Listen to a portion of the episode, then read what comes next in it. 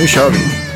Ja, välkomna till Guitar Geeks podcast mina damer och herrar. Det är dags för Tobbe Fall avsnitt nummer två, så välkommen tillbaka. Men stort tack! Vilken oerhörd ära att jag fick bli inbjuden en gång till. Ja, Ja, men alltså det, var så, det var så sjukt uppskattat det förra avsnittet. Det har varit Ja, en av våra mest nedladdade faktiskt. Det har Mm. eh, slagit sig in på 10 topp har jag sett i alla fall. Mm. På så kort tid. och det är fantastiskt. Då blir man väldigt, väldigt glad och stolt. Mm. Ja, det ska det vara. Och roligt att få hänga med er här. Ja, Ja, jättekul. alltså vi stannar väl någonstans förra podcast när vi pratade om molekylär sammansättning i, i den tunna E-strängen, vilket som höll bäst. Mm. Var, var, nej, det var det inte alls det. Jag kommer inte ihåg vad vi Nej, men jag, jag tror det vi inte pratade om, vi pratade ju alltså inte så mycket om, om, om dig och din bakgrund. Och det finns säkert jättemycket mer kring Jag vet att och vi, prylar vi, och sånt vi kan fick uh, på. Café Norrköping pratade vi en del om. Men jag tror att vi, alltså vi, vi skenade, vi spårade ur där någonstans. Eh, slutet 80 eller tidigt 90. Exakt. Var det inte det? Jo, men det tror jag. Ja, det gjorde vi kanske. Då seglade vi ut på- åkte iväg på någon stickspår. Det gör man ju lätt. Det ska man göra. Det är väl Ja, det, som man ska göra i Det är därför vi är här. Det är därför vi är här. Vi är på stickspår. Ja, Framförallt vill vi veta dina egna projekt i, i dagsläget också. Vad som, Ja. vad, vad som händer. Precis. Eh, nej, men vad ska jag börja? Ska jag säga att jag ursprungligen kommer från eh, Norrköping? Ja. Att jag En liten prolog här från förra avsnittet. Eller Ja, men precis. Ja, just det. Att jag eh, gick på och spelade gitarr på kommunala musikskolan och jag blev... eh, Och så kom jag in och spelade... Jag, jag, ja, just det, precis. Och i olika sådana här storband och ensembler som man hade där. Och sen så började jag, hade jag lite tur efter eh, musikgymnasiet var slut. Eh, då så var det så att min gitarrlärare som var den killen som egentligen hade alla jobb i Norrköping, han, en kille som heter Göran Hanqvist, han tackade nej till en produktion på Östgötateatern, alltså Länsteatern i, i Östergötland. Just det. Eh, som har, och tror jag fortfarande har, då verkligen också hade en, en gedigen musikprofil. Så eh, de hade alltid en musikal och musikteater gående. Och då fick jag, då, blev, då rekommenderade han mig, så jag fick direkt efter gymnasiet fick jag jobb i, i Östgötateaterns band. Okej.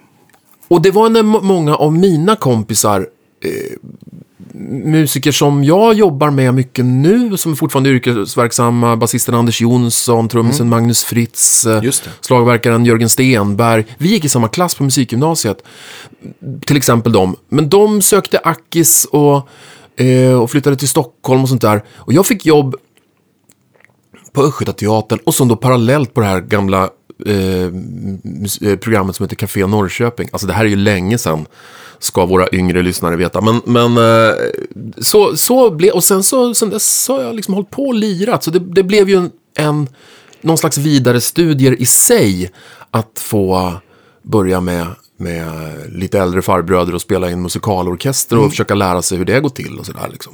Läste du noter då? Ja, eller? för jag hade nog försökt lära mig i och med att jag hade varit med i sån här kommunala musikskolans storband och Just eh, någon liksom ensembler som hörde till det och li, lite sådär. Så att jag gjorde, jag, jag gjorde det och jag läste, jag vet att jag gick någon extra, läste lite musikteori för att jag skulle liksom kunna förstå mig på det där. då. Så, att, så jag har ju inte gått eh, musikhögskolan eller sådär. Utan jag, jag har gått den långa vägen som vi säger. Ja, men det är väl inget, inget absolut inget måste att Nej, plugga musik så. Nej, det, nej. Sen så efter några år så märkte jag, och det har ju många med mig märkt, att, att i Sverige är det väldigt, det är väldigt liksom polariserat till, eller var det då i alla fall, till, till Stockholm. Och eh, musikbranschen, kanske Göteborg, Malmö också förvisso, men om man då var uppvuxen i Norrköping så var det, var det liksom, låg det närmast till hands att, att då flytta till Stockholm. För det var där man liksom kände att musikbranschen fanns. Produktionsbolag och skivbolag och eh, sådär. Så då gjorde jag det 95-96. Flyttade jag och min fru upp hit. Och sen har jag liksom frilansat och varit, jobbat som musiker sedan dess. Ja. Jag har varit lite, lite andra saker. Jag har jobbat lite som producent och gjort ljudläggning.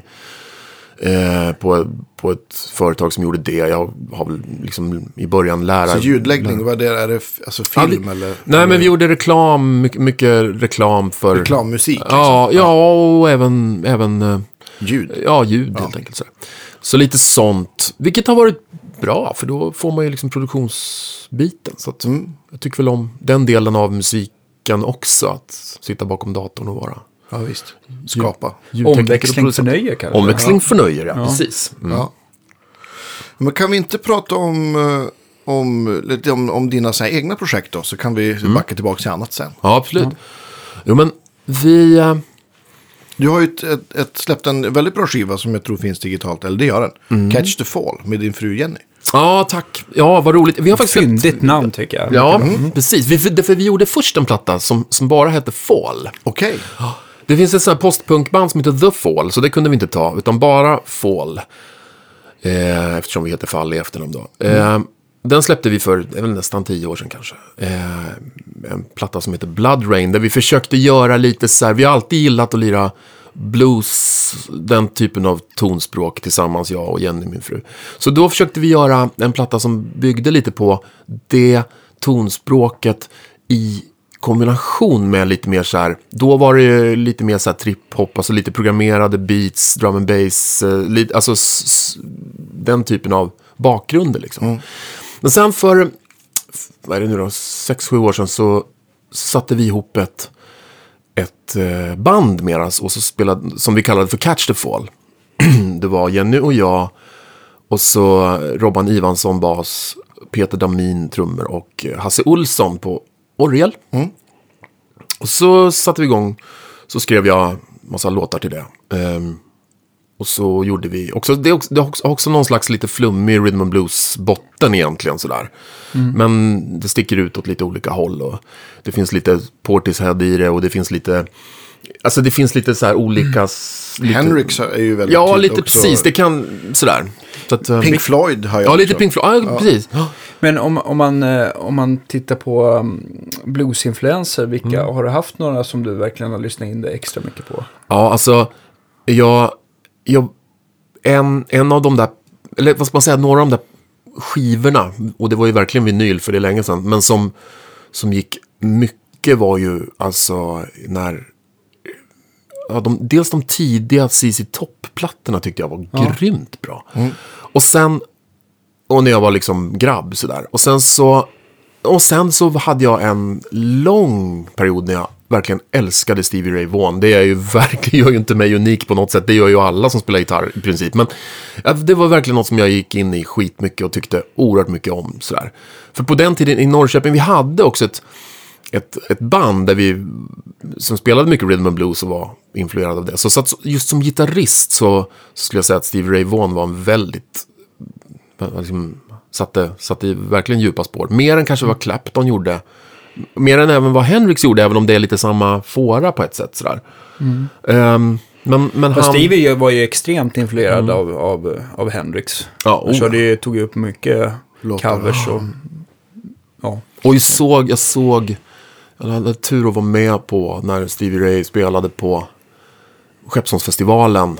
Det var det då, 86 Ja, kanske? vad 87. coolt att ha Ja. sett honom live. Det var fruktansvärt bra verkligen. Det var så... Just det, det var, det var också innan han hade lagt av helt eh, med, med eh, kokain va?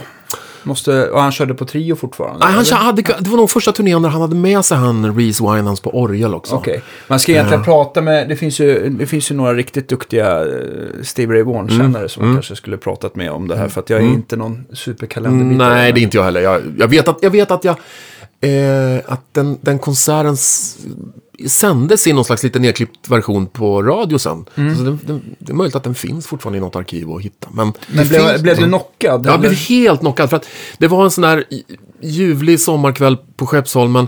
Och jag var, jag var liksom ung och, och man är sådär oerhört intresserad av... Mottaglig, av- liksom. Ja, liksom mottaglig. Och jag minns det här liksom lämmeltåget av eh, folk i crew, crewet som, som liksom gick som ett som sådana arbetsmyror, som en myrstig upp och ner med mängder av små olika rörförstärkare och om hur de kopplar ihop det här berget av prylar.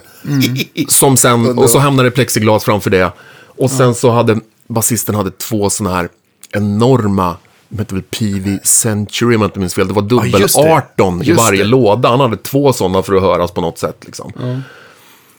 Och så stackars trummis i mitten och som, som försökte. Men alltså det var så jävla... Och jag, jag, ja, jag minns hur den där konserten drog igång och hur man blev fullständigt knockad. Alltså. Ja. Jag vet inte om han hade blivit det nu, men jag var grymt mottaglig för det då. Det var verkligen en boost. Alltså, Det är, så, det är så högt så att man nästan kan, så här, man kan så här luta sig bakåt. Ja. Precis. ja, stud of you då. Ja, precis. Det, det finns, jag tror, det borde vara den tu- turnén så finns det en konsert från Porjas. ja. Det tror jag är 86. Det Ja, borde, något det sånt där. borde, och också sommar, så att det borde vara Hänga ihop ja. hänga ihop. Och, det, ja, men, och det är också, och då är han ganska sliten, men han spelar fruktansvärt bra. Ja. Och, och det roliga på det klippet från Porjas är att han spelar typ så här på Marshall, alltså 80-tals JMP och tror jag JCM 800. Fast det låter ändå exakt som Jaha. ja. Jo, men... Det, ja. Ja, och han hade ju... Det, Ja, men- den slitna klyschan att det sitter i fingrarna, det gäller väl kanske mest av alla just honom. ja, ja, visst.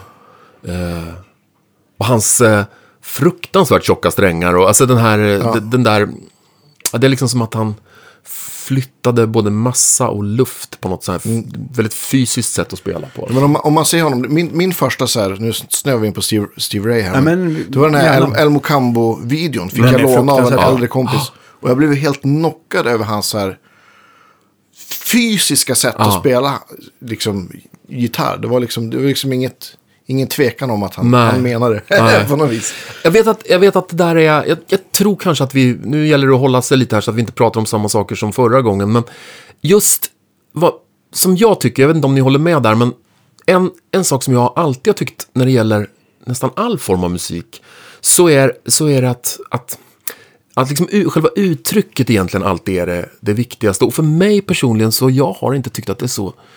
Eh, jag har aldrig, aldrig tyckt om ljummenhet särskilt mycket. Utan jag tycker, jag, tycker, jag tycker om saker som är liksom mycket, väldigt mycket eller väldigt lite. Jättevackra eller jättehårda eller jättesvängiga eller...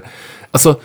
Eh, men jag blir inte särskilt berörd. Jag blev aldrig särskilt berörd av så här 90-tals R&B på det sättet. För jag tyckte att det var så här, men kan man inte, kan man inte, bara, kan man inte liksom. få spela någon gång? Liksom, och just Steve Ray Vaughan var så här, han var så allt annat än ljummen verkligen. Och det, Ja, jag, jag, ja, you're preaching to the choir, så här, va? Jag håller med 100 procent.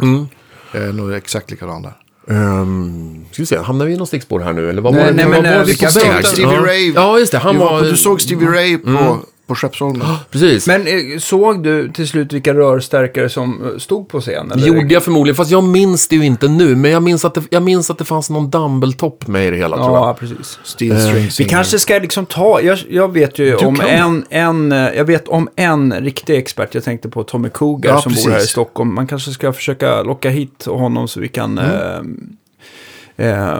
vi kan eh, fördjupa oss i eh, Stevies prylar. Men det finns, om ni har tips på andra som är riktiga eh, bättre kalenderbitar också, eller kan mycket om det där, så, så Ja, hör av er till Mm. oss. För att jag tänkte också sådär, eh, det kan ju också vara bra att utveckla våran podcast, att vi kör lite så tema, Ja, tema exakt. Det- det avsnitt om olika gitarrister också. Eh, så att, eh, stay tuned. Jag kom på ett, också ett, kanske ett stickspår, men, men då vi Ja, var på Stevie Ray där. Så jag tänkte tillbaka till det här för någon vecka sedan. Alltså hela, då hela den här butikgrejen kom Mm. så var ju det lite så här någonstans. Så folk jagade ju liksom så här Steve Rays ljud. Om man tänker Mm. på att som första Fulltone var ju liksom. Full Drive 2 var ju en, ja men det är ju en Tube Screamer Deluxe liksom. Och Mm. Han gjorde liksom en fast face och en oktavfus. Han gjorde ju liksom så här.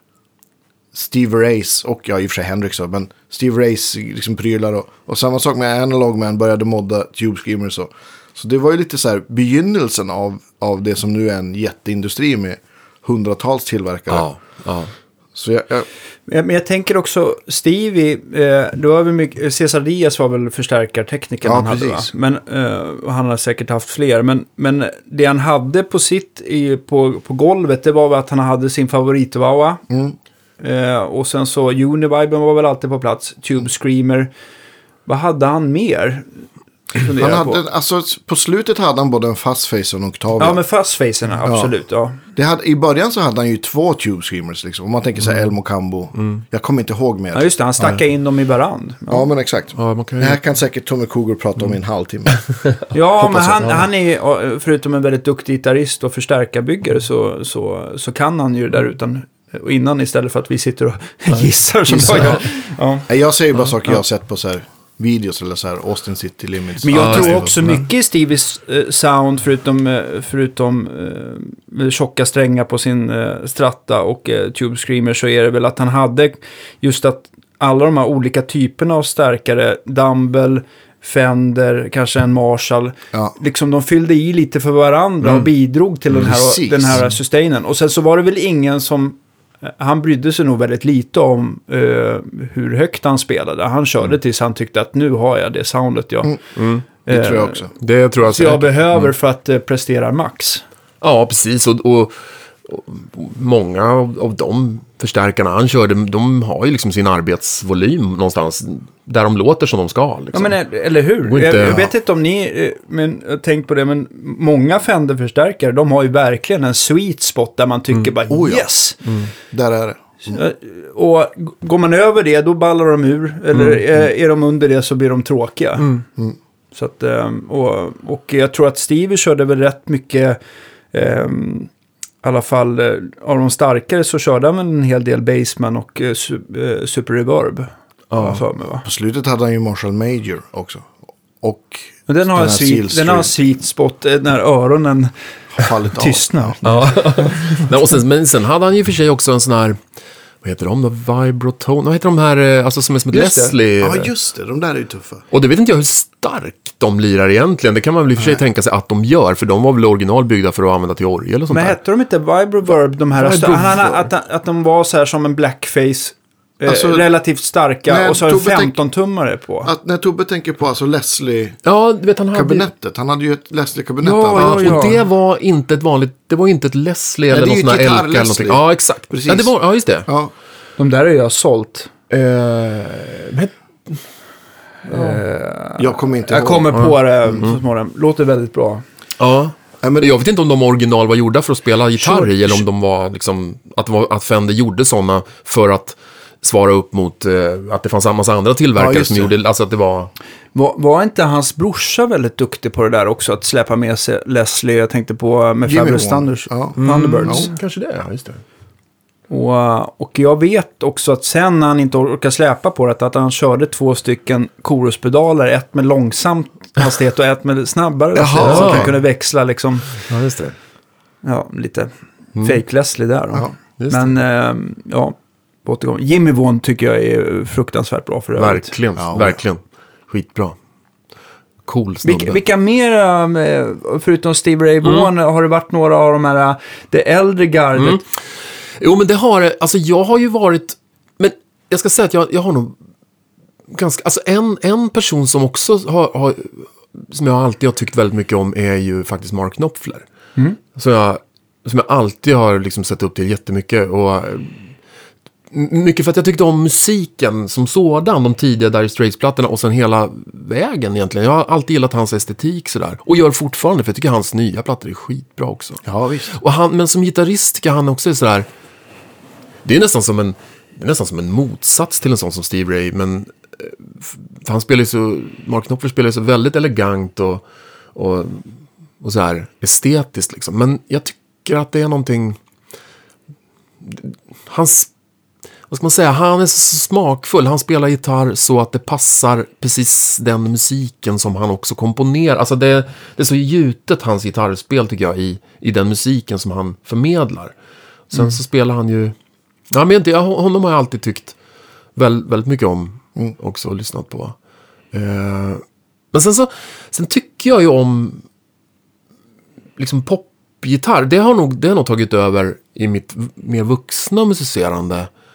Att jag tycker om eh, eh, mer, eh, alltså jag tycker jättemycket om till exempel Nels Klein som spelar i Wilco Ja, visst.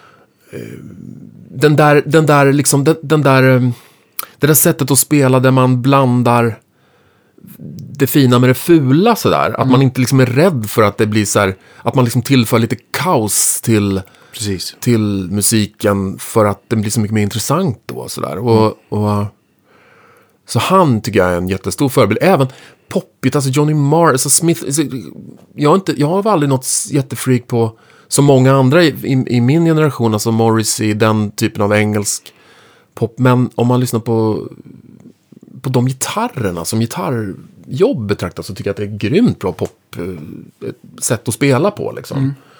Eh, även om det inte...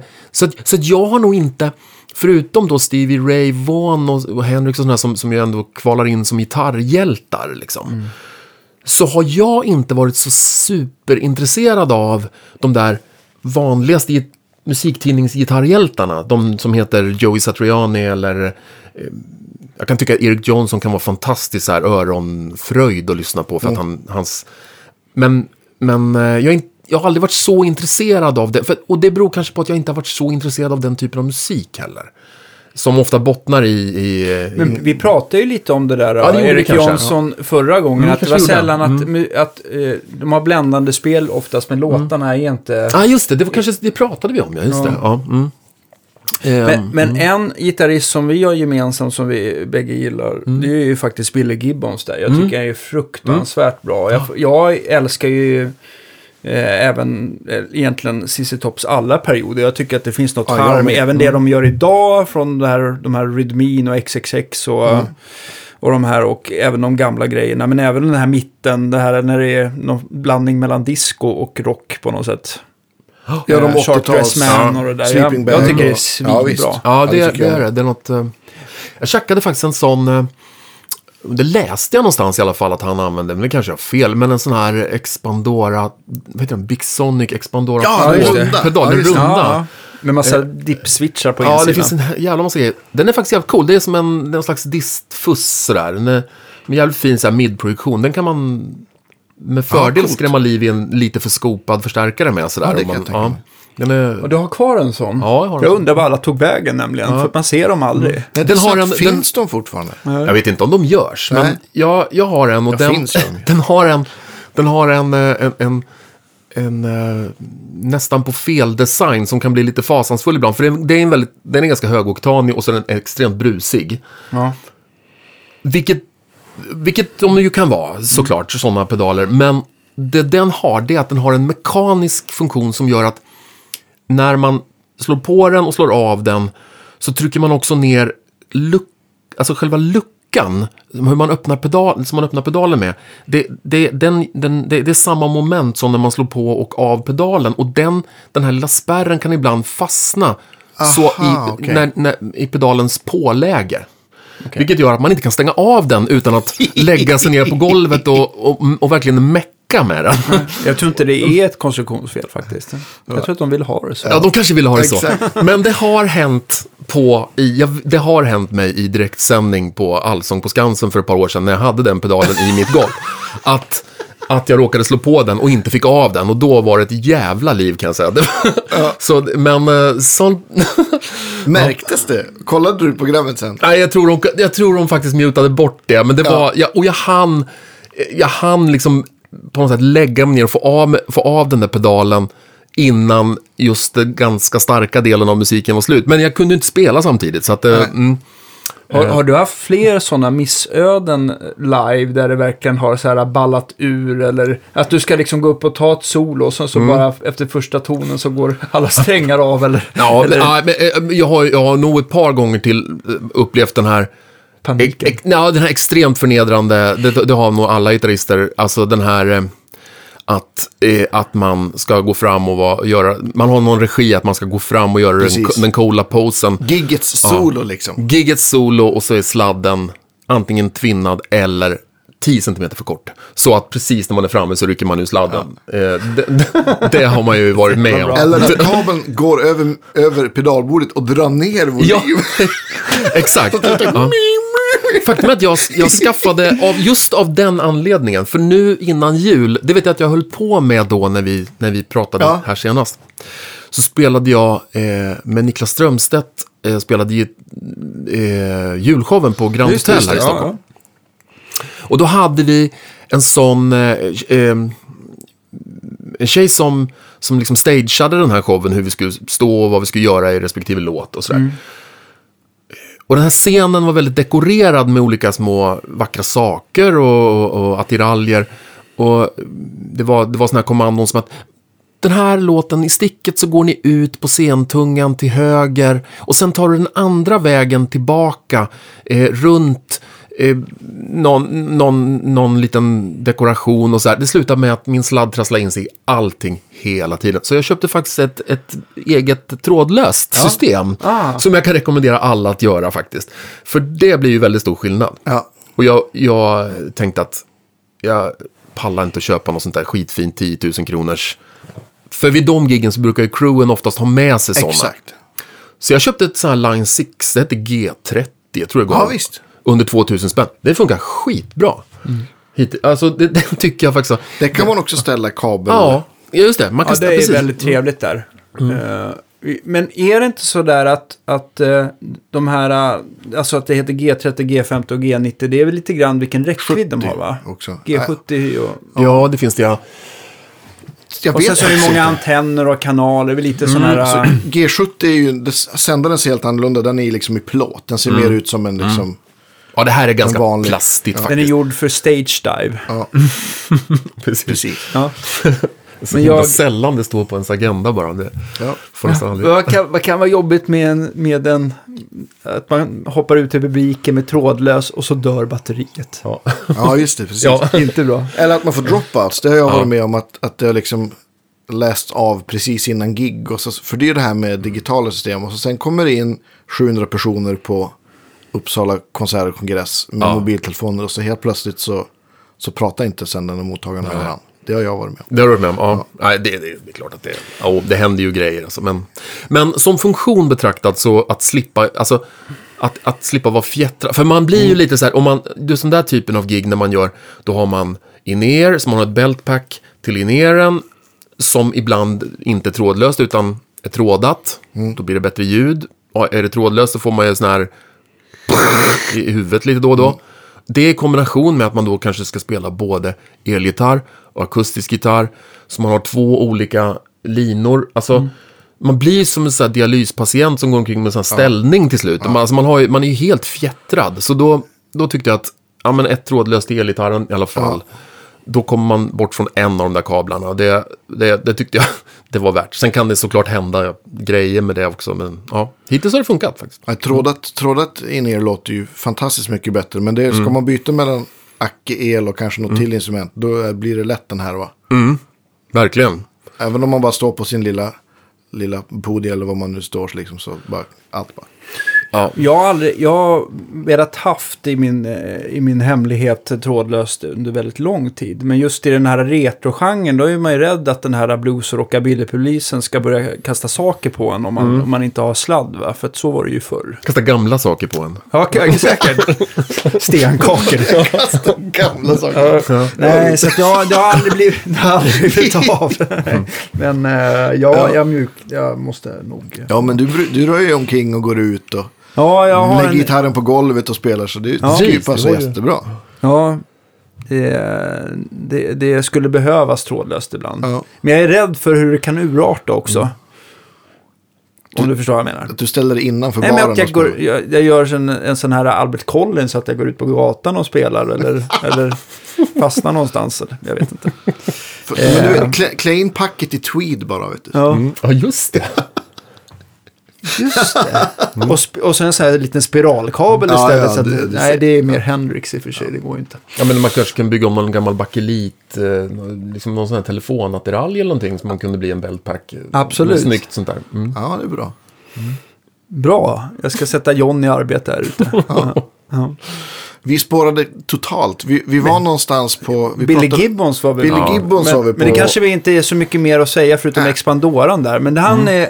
eh, Det jag vill i alla fall tillägna, äh, tillägna jag vill, det jag vill tillägga med Billy Gibbons, jag tycker att han är en av de eh, gitarristerna som har coolast timing av alla. Mm. Verkligen. Det är inte alla som kan spela sådär behind och tungt. Nej. Och någonstans tycker jag det är det är något som skiljer agnarna från vetet. Det är ju timing alltså. De, Ja, de som har bra timing är ju alltid...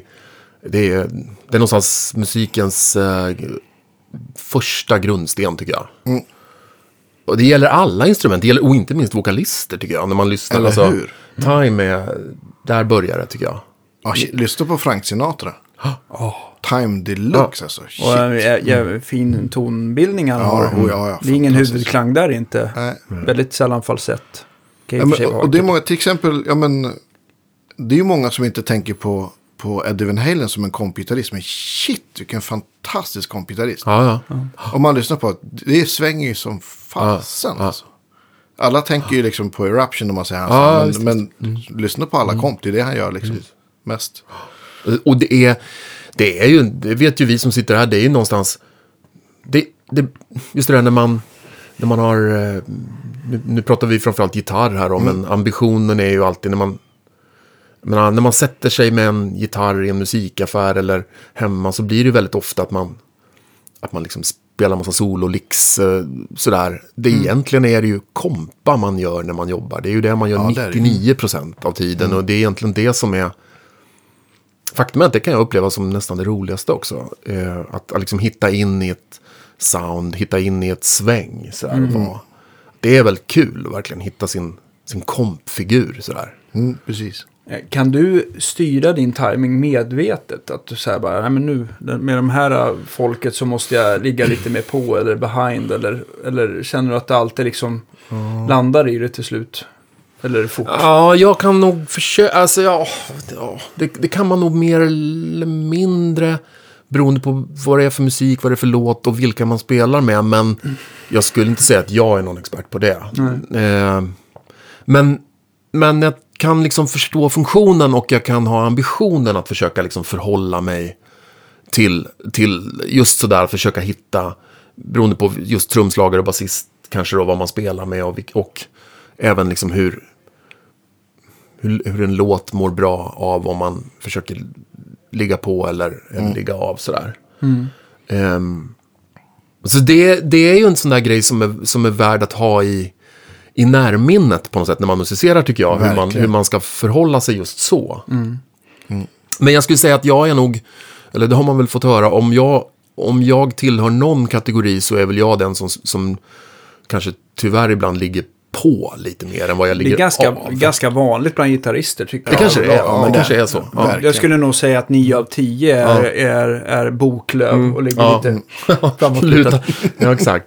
Eh, istället för, nej men, eh, eh, som, eh, vad heter det, som Billy Gibbon som nästan är behind och liksom Mm. slä, släpande. Men det är coolt. Men sen så är det väl sådär att det, liksom, det passar i, med den bas och trummor. Mm. Sånt där. Jag kan ju känna själv att jag kan höra extremt många bra basister och trummisar och sådär. Men det är inte alla man känner sig riktigt bekväm med när man står i sammanhanget. Eller vissa tycker man man klickar bättre med i alla fall. Oh, ja. Ehm, och, vilket är väldigt märkbart just när man spelar på trio. För där tycker jag, där blir man så himla... Man har ingen att luta sig mot, någon annan gitarrist eller något. Så det gäller att det, att det känns rätt. Nej, men och det kanske också, då kanske det också är så att, eh, att spelar man i mindre sammanhang då kanske det också är så att, att basisten och trummisen tar större hänsyn till hur vi gitarrister spelar. Alltså att de anpassar sig mer då. Ja. Då är det inte bara vi som ska så att säga inordna oss liksom. Så det är, det är nog givande och tagande hela tiden. Ja, men precis. Och genre. Mm, och beroende genreberoende, ja. genre Ja, beroende på genre. Precis. Men du som sitter mycket och gör eh, pålägg i studion, Andreas. Mm. Får du någon så här känslan av att du ligger i, pocket då, i mitten eller driver eller Ja, det släpar? beror nog på genre tror jag. Ja. Sådär. Ja, men jag, Du som gör så otroligt mycket pålägg. Ja. För det är väl nästan i studio det märks, eller man tänker på det mest Ja. då. Ja, ja det är ju, man blir ju extremt, ja, Tobbe ju spelat in hur mycket som helst också. Man blir extremt medveten om sin time och man spelar in liksom. Ja, och där kan man ju också få så här omedelbart facit. ju. Man Ja, zoomar in och ser sådär. Ja. Eh, men ja, jo. Alltså det, det är lite farligt också det där när man musicerar med ögonen. Nej, man ska, lätt- jag har slutat titta. Ja. Det, bara, det ska man inte göra. Har du verkligen det? Ja, men det har jag faktiskt.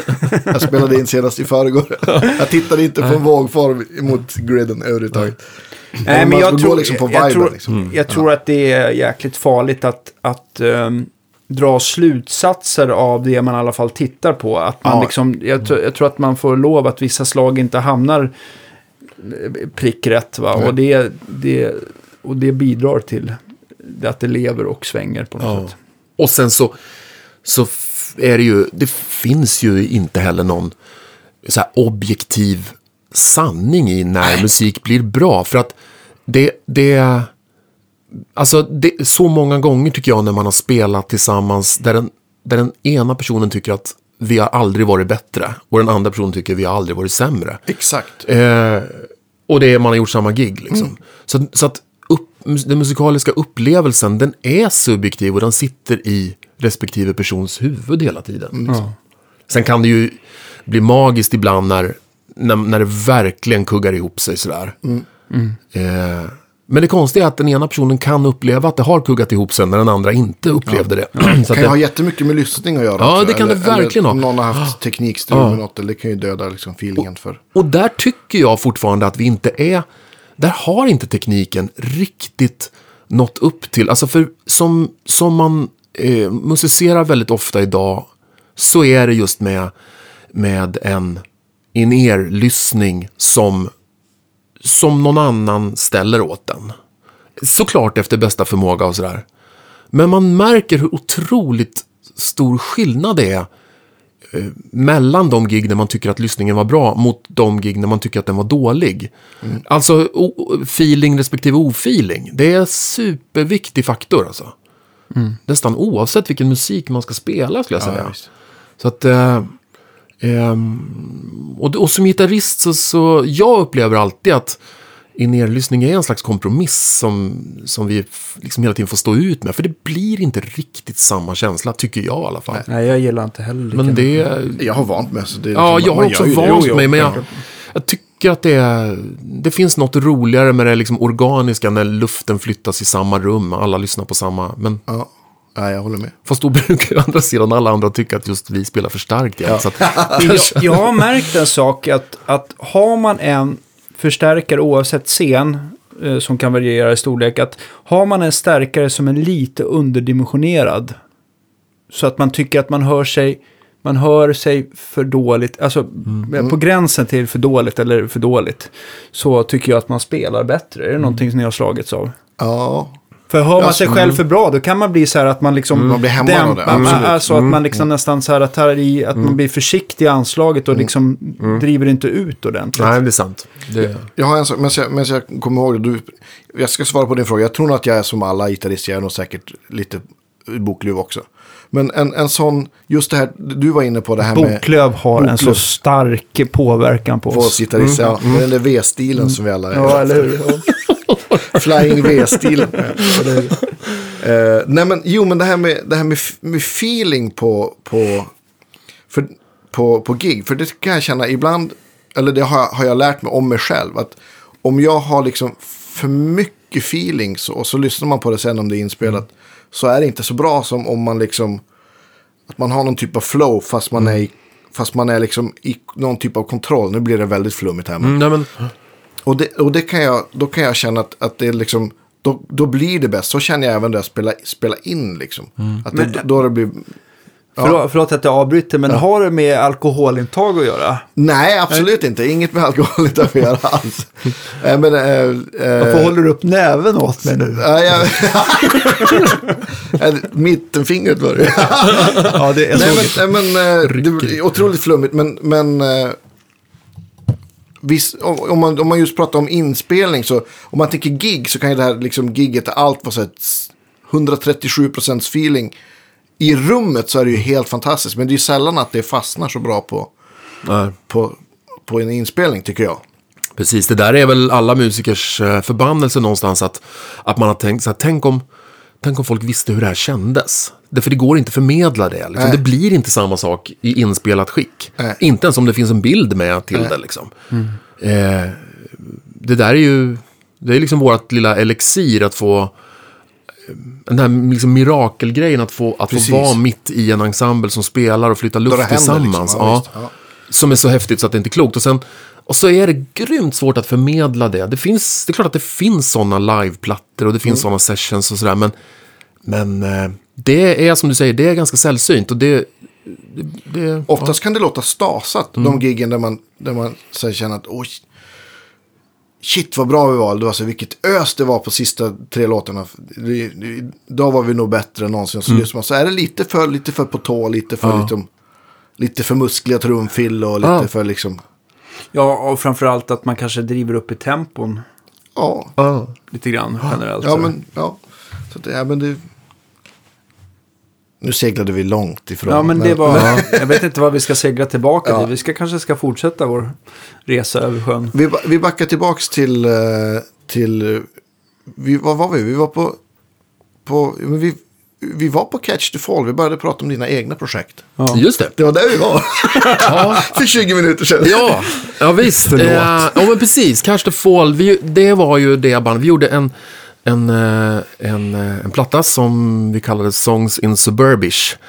Eh, eh, som en liten... Eh, som en liten... Eh, jag bor i Farsta utanför Stockholm. Och eh, det var... Det var, det var som en liten... Eh, vad ska jag säga? Det var... Det var liksom där, vi, vi, vi jag satt och gjorde lå, låtarna där och så hade jag studion inne, inne i, i, i stan, inne på Folkungagatan på Söder i Stockholm. Eh, där jag ibland kunde gå runt och, och, och flukta på eh, hela den här Sofo-communityn där, där, det- mm där alla är- väldigt, väldigt medvetna och väldigt ängsliga också ibland och väldigt, liksom vad, det finns liksom facit på allt vad, vad som är rätt och vad som inte är rätt och sådär. Då tänkte jag att det skiter vi i det. Alltså, så, för att där ute där jag bor, där, där bryr man sig inte lika mycket om Nej. det. Så då fick den heta Songs in Suburbish istället. Sånger från förorten. Eh, Och, eh, eller på förortska. Och, eh, och det, jag, jag är ganska stolt över den plattan egentligen. För att den blev liksom ganska kompromisslös. Och så, eh, så gjorde vi det. Men det är väl liksom ett band som egentligen finns men som vi egentligen inte... Ja, vi, vi giggade med det lite men som det är för alla oss i den här branschen. Det, det är ju få av oss som är bra på att sälja in gig. Eh, om man jämför med hur många som är bra på att, att göra musik och spela musik och producera musik. Mm. Så det är ett fåtal av oss som också är bra på att vara På den- ekonomiska producenter så att säga. Mm. Det sitter sällan ihop med att vara kreativ. Precis. Kreatör. Men nu så... Men, men, så har, men sen samtidigt då så, så har jag tyckt att... För att jag tycker att det finns något liksom värdefullt med att... Samtidigt som jag tjänstgör eller sådär, som, som gitarrist, som musiker, att man jobbar som frilansmusiker och tar till sig andras repertoar och spelar den och gör som, som man, man någonstans blir tillsagd. Och, eller helt enkelt tackar jag till gig och så gör man de giggen. Sådär. Så, så har jag tyckt att det är mycket roligare att göra det om jag själv också har några, något projekt där jag, där jag står vid rodret själv. Eller hur? Precis som du, vi, vi har ju faktiskt här innan vi började trycka på rekord här så fick vi lyssna på din nya, det som kommer bli din, din nya platta. Ja, visst. Det låter ju helt sjukt bra. Tack snälla, vad glad får vi rekommendera alla att Stort lyssna tack. på sen. Ja, Ja, det Verkligen. kommer i, en, i ett digitalt medium nära er snart. Men så det finns, det finns ju någon, någon poäng med att liksom den vanliga arbetsverkligheten blir roligare om man också får, får ha något sånt där. Som man liksom skriver till, som man producerar. Så, jag har, jag, så det, det senaste projektet som jag drog i land helt, det var att jag, jag eh, eh, förra året blev den färdig. Det var en platta som jag gjorde med sångerskan Kajo.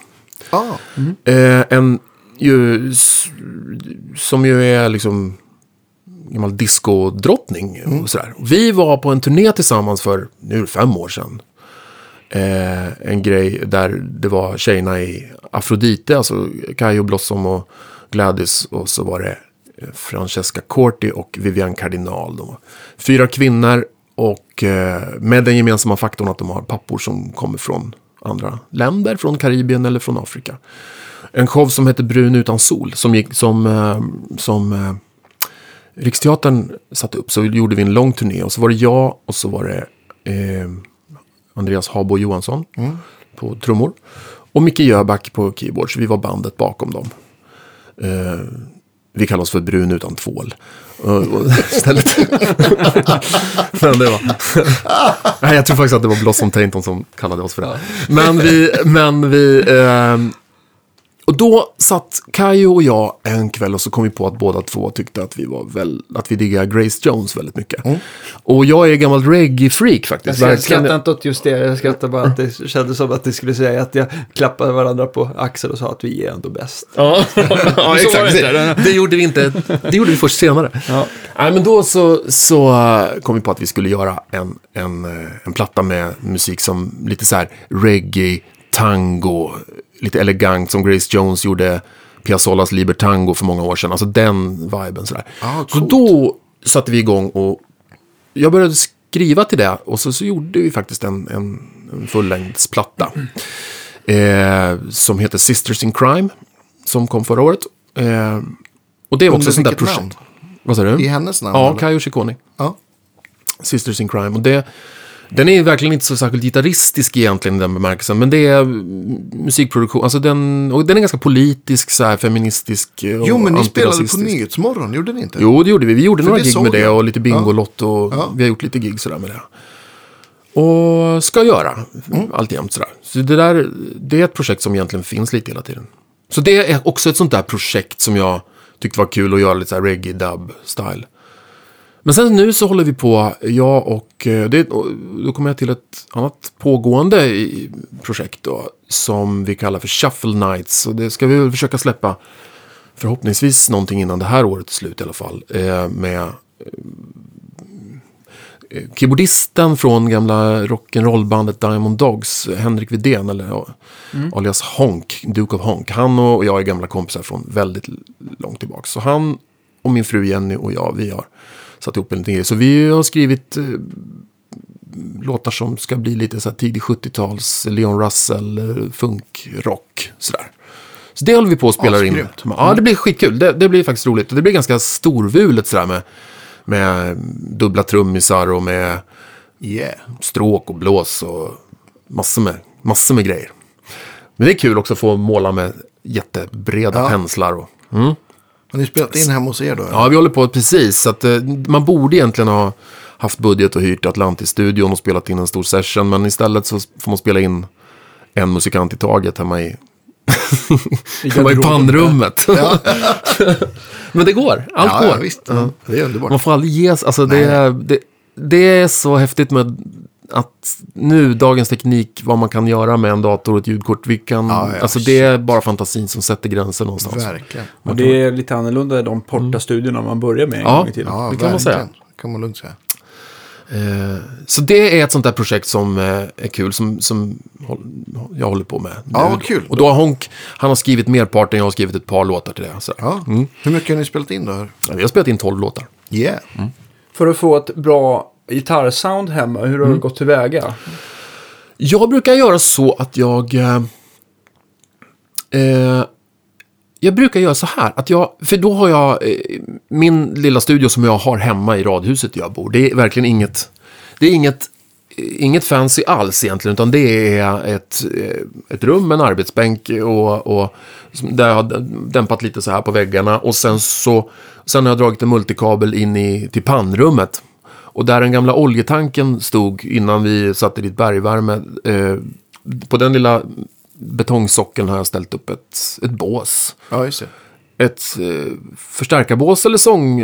Min fru är sångerska och jag gör också lite vokal, eh, lite så här voice-over-grejer ibland. Och, och, sen så, och i det båset kan man spela in. Så då, då Får du in ett trumset där också? Nej, det gör jag inte. Nej, det, det, det, det, det är mer som en... Det är faktiskt en sån här... Jag köpte en sån här övningsbox som blåsare Ja, kan ha när de bor i lägenhet. Och, just behöver. Eh, och det är ett ganska dött litet rum. Det är som en stor duschkabin i gjutjärn typ. Ja. Men den fungerar bra att göra, att göra just sång och... Men även att, att ställa in en starkare. Så då, då brukar jag göra så att jag... När det gäller gitarrljud, då brukar jag... Jag brukar ofta göra så att jag spelar in... Eh, om jag har inspelningsjobb och sådär, då brukar jag göra gitarrerna först med typ så här gitarrig. I, eh, ja, i vanlig Logic alltså. Eh, Och sen när gitarrerna, när jag har liksom fått in det som jag tycker så här ska nog gitarrerna vara, kanske man har klippt i ordning dem och så. Då brukar jag eh, reampa dem. Eh, med en sån där, gå åt andra hållet linebox. Eh, Ah, Ja. kul. Vilken, vad har du för någon då? Ja, då heter den, det är en sån här radial... eh, Ja, just det. Så då brukar jag liksom köra tillbaks den rena gitarrsignalen ur datorn via min lilla multi in och så har man stärkare som står där inne då. Och då kan jag välja liksom vad, vad det ska vara för stärkare och så mickar jag upp den. Då brukar jag micka med... Eh, jag tycker om... Jag brukar ha en Sennheiser 421 Mm. och en bandmick. Och då brukar jag antingen, jag har en, alltså en sån här Royer-kopia typ som, Så här 121 kopia eller vad? ja en sån där eh, mm, långsmå, alltså en sån där, eh, ja, vad heter de mest kända Royer, de där som har som, 121 eller med, liksom, känns som, som runda fast med en liten fläns på varje sida. Ja, sådär. men det är ju Ja, 121. det var precis. Ja, just det. 122 också. Typ en sån och det var någon sån här ganska billig. Det var Robban Wellefors, en studiotekniker som, som rekommenderade. Det var någon sån här som typ Four Sound hade TSM eller något Ja, sånt där precis. märke. Kostar så här 995. Ja, den Funkar funkar, skitbra. Den har jag, sen har jag också en annan bandmix som heter, eh, det är en amerikansk mix som heter The Shiny Box. Som eh, en, en gammal kompis till mig hade agentur för eh, förut. Eh, och, och de har lite olika karaktär så här. Man kan, man kan liksom prova lite olika. Men jag brukar, så jag brukar ställa in en, en eh, antingen om man tar in en kombostärkare där. Eller så har jag en 212, en Marshall så här 122, 19, vad heter det, 1922. Ja, det kan. De gjorde ju, de har ju två, Alltså 212. två, precis. Där är det väl så att elementen sitter verkligen eh, på samma höjd bredvid varandra. Ja, Medan den som heter 136, där är de lite större och snedställda. Just det, Ja, det, just det. det. som är fyrkant. Ja, precis. Så det här är den sida sida.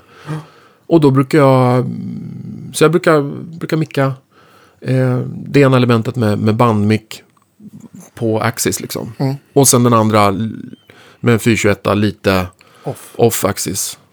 Är det, eh, är det så att du ändå har dem ganska nära liksom, eh, fronttyget på, på bägge? Eller, eller kommer du ut en bit? Jag kommer ut en bit. Eh, I alla fall 10 centimeter. Ja. Jag tycker ofta det blir bättre. Jag förstår att man live vill ha så lite läck som möjligt och sådär. Men, Men om är man är... sällan, jag tycker sällan att det liksom är ett läckproblem ändå. Alltså, så, starkan är så stark och, Ja, det, det, ja, och det läcket som kommer in är så svagt jämfört med den som ändå kommer ut i helhet. ja, men precis. Sällan. Men jag tycker också att det, bara att få bort den lite grann Mm. eh, är, är ganska skönt. Ja, micken faktiskt. ser ju mer av högtalaren om den kommer en bit ifrån. Precis, Ja. men däremot om man har en 212 och distansmickar för långt, förutom att om du har en sån bandmick Mm. eller 421 som ändå tappar bas med ju längre ifrån man av proximity-effekten så kan det ju vara det här att när två element eh, som kommer på olika avstånd till mikrofonkapseln kan ju göra att det, att det är jävligt svårmickat. Mm. Eh, Mm. Eller svår Det har jag mixat verkligen sådär. Att det nästan blir så här, alltså fa, riktiga fasproblem. Ja, precis. Och Ja, jag, så- har- jag har alltid eh, upplevt i alla fall att det har varit mycket lättare att distansmicka än eh, 1.10 eller 1.12, Ja, 1.15 om man har. just det. Än, Mm. än flera element Ja, jo, det är sant faktiskt. Det, det, för det är sånt där man har brottats med ibland. Vad fan, varför låter det inte bra nu liksom? Men det, om man pillar lite med det så tycker jag att man brukar kunna få till det. Och då, då tycker jag komplementet av de där två brukar kunna bli riktigt bra. Sen, så, Ja. sen kan jag tycka att eh, eh, det... Antingen så spelar man in och gör en massa, om det ska vara stort så man gör en massa stereodubbar fram och tillbaka. Men man kan ju också till exempel bara delaya den ena micken med 15 millisekunder och ställa den lite åt, om man, mm alltså, och ställa dem panorerade åt olika håll. Så, Ja, så får man, alltså bara som en sån här klassisk mixteknik. så Men får lite man, så här fake stereo. Liksom. Ja, och då får man det Bredare. I och med att de har lite olika karaktär fake också. stereo blir det inte, men ja. Ja, men någon, liksom att man, man bara får en bredd på det sättet. Så att den blir, och då blir det också lite mer lättplacerat i ljudbilden.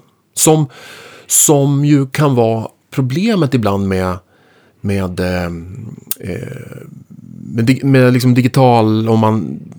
Det, det, det har jag upplevt i alla fall. Nu har allting blivit bättre, men alltså eh, med, med mjukvaru-gitarrförstärkare sådär. Mm. Som ju kan per definition väl, kan bli väldigt bra ljud. Så här. Men det, Oh, svåra är att, det svåra är placeringen i ljudbilden ofta, mix tycker jag. Mm. Så då får man nästan...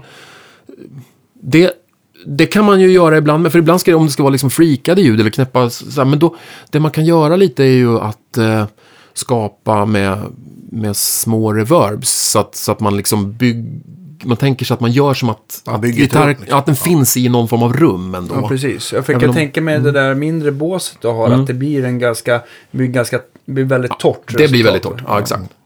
Så man kan ju använda, men de, men alltså de som, som reverbsen är idag, de, de, de här små samplingsreverben som finns, det är ju- det är ju skit, det är ju liksom, Ja, alltså, det är, alltså är- alla Space Designers korta Ja. rum tycker jag är fantastiska just Det- för det där, ja, för gitarr ja. eller för och då går det att placera eller den, för då, eller vad det nu är. Är, är det, jag som är lite dålig eh, koll, är den pluggen just, eh, just för Logic eller finns den för allt? Det den är väl just, Space Designer är ju för Logic, men det, är- det är ett sånt IR-reverb. Den Ja. läser liksom, alltså impulsresponser. Ja, precis. Ja, finns det, det liksom- flera som gör sånt som man liksom inte var, måste vara bunden till Logic? Absolut. Ja, prova? det finns väl ett uppsjö. Altiverb till exempel, och Exakt. det finns olika. Ocean Ways, men då är man bunden till att använda UAD. Ja, va? då måste man ha UAD. Ja. Den är as, den har jag, det är jättecoolt. Men du, du för, alltså den här, äh, den här andra som ni pratar om då, den är kanske lite mera lättjobbad. För att jag antar att man liksom inte, har- man kan tappa momentum om man ska liksom hålla på och prova, prova för avancerade reverbs och försöka få till dem istället. För, man vill ha någonting som låter ganska bra snabbt va? Ja, det, då, det, precis, då känns det, blir det mer mixpill. Om man spelar in gitarr till någon så kanske man... Jag vet inte hur det är idag. Om man köper man ett, ett Logic så får man ju med det där Space Designer reverbet. Det är mycket möjligt att det är så om man har en annan plattform också. Jag vet inte hur det är i ett nytt Cubase eller ett nytt Nuendo. Det kanske finns någon motsvarande i dem. Säkert. Eh, Men, men summa summarum så tycker jag att just att man ser till att en ljudkälla inte ska vara helt utan rum kring sig. Även om det rummet är så litet och diskret så att man egentligen inte upplever det. Men det blir svårt, på samma sätt som det är svårt att spela linad gitarr med in-ear. Alltså det vill säga att det blir som att gitarrstärkaren är inne i huvudet. Så, så, så fort man däremot skänker den ett litet rum så blir det mycket lättare. På samma sätt tycker jag det är med, med i alla fall tycker jag det, eh, när man spelar in gitarrer. Även om det ska liksom, även om förnimmelsen av den inspelade gitarren ska vara att den är torr. Ja, visst. Så är den ju aldrig riktigt torr. Alltså den, den ska, den, det, det blir otroligt mycket lättare att placera den i ljudbilden. Extremt mycket lättare. Det, alltså, det, jag tycker samma med, med, med elbas faktiskt. Ja, kan precis. också vara så här, det kan vara det sista så här, limmet för att man drar upp något litet rum. Och det kanske, är, det kanske någonstans är det mänskliga sinnet som, som behöver en, en, en placering av saker. Alltså vi, vi behöver höra att, den fin, att en ljudkälla finns i någonstans. Liksom en placering. Men jag tänker på också för att det där ska limma ihop med övriga orkestern vill man gärna inte ha ett, ett liknande rum på de övriga så att, inte, så att inte trummorna står i ett mycket större rum så att det känns som att de liksom limmar ihop bättre. Ja och nej, säger jag då. Bo- både och, lite, lite Du ska ju olika. alltid hålla med mig. Förlåt. Ja, Jag jag måste krånglig. klippa. Nej, jag skojar. Det kan ju vara, det kan ju vara ett... Det kan väl mer vara som ett soundideal, att, det låter, att, det, att, Ja. det, att man vill att någonting låter cool så här, att man har ett stort ett rum där trummorna finns. Ja, men då kan vi lägga gitarrstärkaren i det rummet också. Och återigen, de här reverbsen är ju så bra så jag kan i alla fall inte höra skillnaden på om det var ett riktigt rum eller... Eller rätt sagt, det är ju ett riktigt rum. Ja, för det är exakt. ju ett samplat rum. Precis. Eh, men... Men det, måste... fantastiskt. Ja. Ja, det är det faktiskt. ja, det där är lite så här... Svart magi. Ja, ja. Men, men, det är inte, men det måste inte, absolut inte nödvändigtvis vara så, tycker jag i alla fall. Det kan... Det, men, men saker och ting står bättre för sig själva om man har liksom placerat dem i någon form av omgivning. Ja.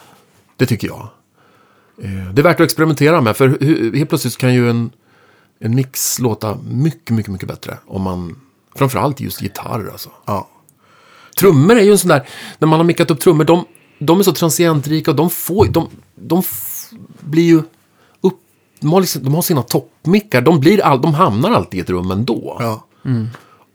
Eh, om man inte spelar in så här, dig, så här vad heter det? Dig, Digitalt kn- rum. Knutbytrummor. Ja. men, men då, och då hörs ju, då Det hörs är ju faktiskt en av de, det måste folk erkänna där ute, att det var en av de bästa namnen på digitaltrummor hittills. Knutbytrummor. Ja, det kommer användas flitigt här. Jag tror inte att det var jag som kom på det faktiskt. Jag, men jag minns inte hur jag hörde det. Jag, kan inte, jag har inte hört det förut i alla fall. Det var strålande. Ja, men det kan ni ju testa som ett, ett om ni spelar in Akigura där hemma i ett, ett, ganska, ett väldigt dött rum. Så, så ja men i till exempel Space Designer finns ett så här, jag vet inte vad det heter, men det är på 0,4 sekunder i alla fall. Så om man drar upp det bara en liten, liten pilledutt. Så, så då, då, känns, då lever det mycket mer. Då känns det mer att, inte som att någon har tryckt en gitarr i örat på en, utan mer att man lyssnar på en gitarr. Precis. Och det är inte som att man upplever att det, att det är i ett rum, utan bara blir mer organiskt. Nej, för det, det, det, det, det kan man ju inte. Man kan ju inte skicka, skicka en, en gitarr till någon som har så mycket rum. Så att, för då har den ju liksom redan, då har den ju liksom ett sound som inte går att ta bort. Ja, just det. Precis. Så att, Är- Får du den, eller får ni den, eh, liksom önskemålet från folk? Eller gör ni alltid så att ni har en ganska torr, om ni ska skicka någon gitarrfil så att han eventuellt som kommer mixa ihop det där får jobba själv? Eller hur, hur tänker ni där när ni ska göra jobb åt andra? Ja, ja, alltså. Ja, jag svarar först då. Eh, alltså om, om, det, om det är en gitarr som ska ha ett delay så spela in den med delay. För man spelar ju liksom effekten. Ja. Men om det är liksom en, en kompgitarr så kanske det är lite stärker värme. Men inte mer liksom. Det är, det ot- otroligt olika. Jag håller det relativt torrt i alla fall när det gäller med jag lägger IR. aldrig på en, ja men precis, jag lägger aldrig på en hål på en, en Nej, fling. men det var just Ja, lite de grejerna jag tänkte. Så. Ja, men så, jag, jag, jag håller med dig. Precis de ty- typiska så här pedaleffekter, sånt som man normalt trycker på, på sitt pedalgolv. Mm. Det är ju liksom det som, det, är ju, det ingår ju i gitarrljudet. Precis, men då spelar man ju Ja, med. då på spelar man med det. sätt då. Men jag, jag har faktiskt gjort, nu har man ju ofta så bra kommunikation med dem som man sen ska skicka de här filerna till om man har fått beställning på att spela in gitarrer. Då, så, så man brukar kunna prata om det, om det där, men jag, jag har faktiskt ganska många gånger gjort så att jag har, att jag har eh, för min egen skull, för min egen lyssnings skull, när jag har jobbat med det, gjort, skapat några sådana där rum. Och om jag sen har tyckt att, ja men jag tycker det här låter bra, då har jag gjort eh, så att jag har bounceat ner, gjort ljudfiler av just de Ja, just rummen. Ja. Och skickat med som en extra ljudfil. Så här, du kan använda det här om precis. du vill. Det här var, du bara drar upp det som en ljudfil då. Liksom. Så då, det, det kan man ju, det är, bara, det är bara att man trycker solo på de små reverbsen och så Precis. spelar in dem. Ja. Eh, Så då, och då kan man ju få gitarren torr plus dem. Liksom. Mm. Eh, Händer det, eh, om ni mixar åt andra, att ni får ljudfiler att, att eh, folk är duktiga på att göra likadant? Eller är det så här att ni, att, eh, att ni tänker bara, fan shit, den här ljudfilen, eh, bara, det går inte att rädda, eller det här får du spela om, eller... Att det Nej. problem åt andra hållet. Liksom. Jag har fått körfiler en gång som var inspelat liksom i ett vardagsrum. Och då researchade en hel dag tills jag hittade en plugg som heter D-Verb. Ja. för att få bort, för, att- för det, det lät liksom så mycket. Då blev det det du var inne på förut. Det här, då lät det som att, ja men, alltså de här tre som sjunger kör här. De är ju liksom inte med bandet. De är i en annan lokal liksom. Och det lyckades jag väl rädda. Okej med den här D-Verb, men det var ju, det får ju andra ja, konsekvenser. på Men vad är det ja. D-verben gör då? Den liksom försöker filtrera bort efterklangen på något märkligt sätt. Jag vet inte, Tobbe, Svart kan du magi. svara på Nej, det kan inte jag. Jag funderar på om det, om det är någon, något... Att den på något sätt räknar ut vad i ljudet som är, som är efterklangen och vad som är direktsignal. Att, att, att den då så att säga fasvänder bort... Det är S- eh, SPL som, har, ju- som även gör den här Ja. transient design. Det är de som har gjort den. Mm. Jag Det kan- hittade den jättebilligt. Så här. Transientdesignen är ju för övrigt ett av de bästa redskapen tycker jag. Ja, jättebra. Att använda just, just till att, att, att få bort saker som, som klingar kvar lite för länge och sådär om man, om man sitter med och Mm. mixar. Det kanske är en IR-respons av det här sångbåset du har hemma. Ja, kanske. Just det. ja, jag, jag, jag, vet inte hur det, hur det fungerar, men, men det... Nej, jag- vad jag- vad frågade du för något? Jag, Nej, men, jo, eh, men om, med konstiga filer? Ja, nej, men det är nog... Nej, annars... nej, men, det är, men det är sällan ni får att det är helt o... användbart eller att du ber eh, att du får göra om eller att du ber dem göra om. Ja. Du hittar alltid någon plugg som, som är räddare. Använder du debug på allt kanske? Nej. Nej. Det beror ju också på vad det är för musik som ska göras. Ofta, alltså, jag, tyck, jag tycker nog ofta man kan... Jag, jag har suttit och mixat en, en grej nu till eh, en, eh, en kompis till mig, en, en, en trumpetare som heter Jonas Lindeborg. Han har ju spelat in med Louise Hofsten. Ja. Eh, ganska balla grejer med, med, med symfoniskt slagverk och, och massor med blås och sen hon. Eh, och, och då, då är det inspelat. Han har liksom spelat in eh, Gran Casa bastrumma någonstans med en mick där den stod. Och sen har han spelat in, han har liksom fragmentariskt spelat in alltihop och sen monterat ihop det. Och då kommer det mängder med rum med. Men jag kan tycka att det liksom kan vara rätt cool så här. Det blir Ja. liksom summan av det blir en, en slags skönt kaos också. Och det, så det är ju väldigt beroende på vad det är för musik. I det fallet passar det. Skulle det, skulle de här fragmenten vara med i någon superslick grej eller någon jättekontrollerad mellolåt, då, då kanske inte det skulle gå. Sådär. Så att det, det är från fall till fall verkligen. Eh, jag tänkte också på din eh, fina Marshall 1922 som du har Mm. och spelar in med. Är, har du, är den helt original med högtalarna där? Det sitter ju vanligtvis Mm. två stycken 75-wattare har jag för mig. Ja. Faktum är att den är original. Jag har tänkt länge, för jag har tyckt om Celestion Vintage 30-element ganska mycket. Som jag har satt i olika saker.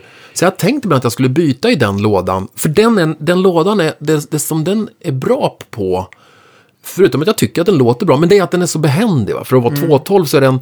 Den är, Och den så, är kompakt, Ja, den är verkligen. kompakt och den väger väldigt lite. Den är, den är lätt, man kan placera den och man kan hålla på med den. Så den...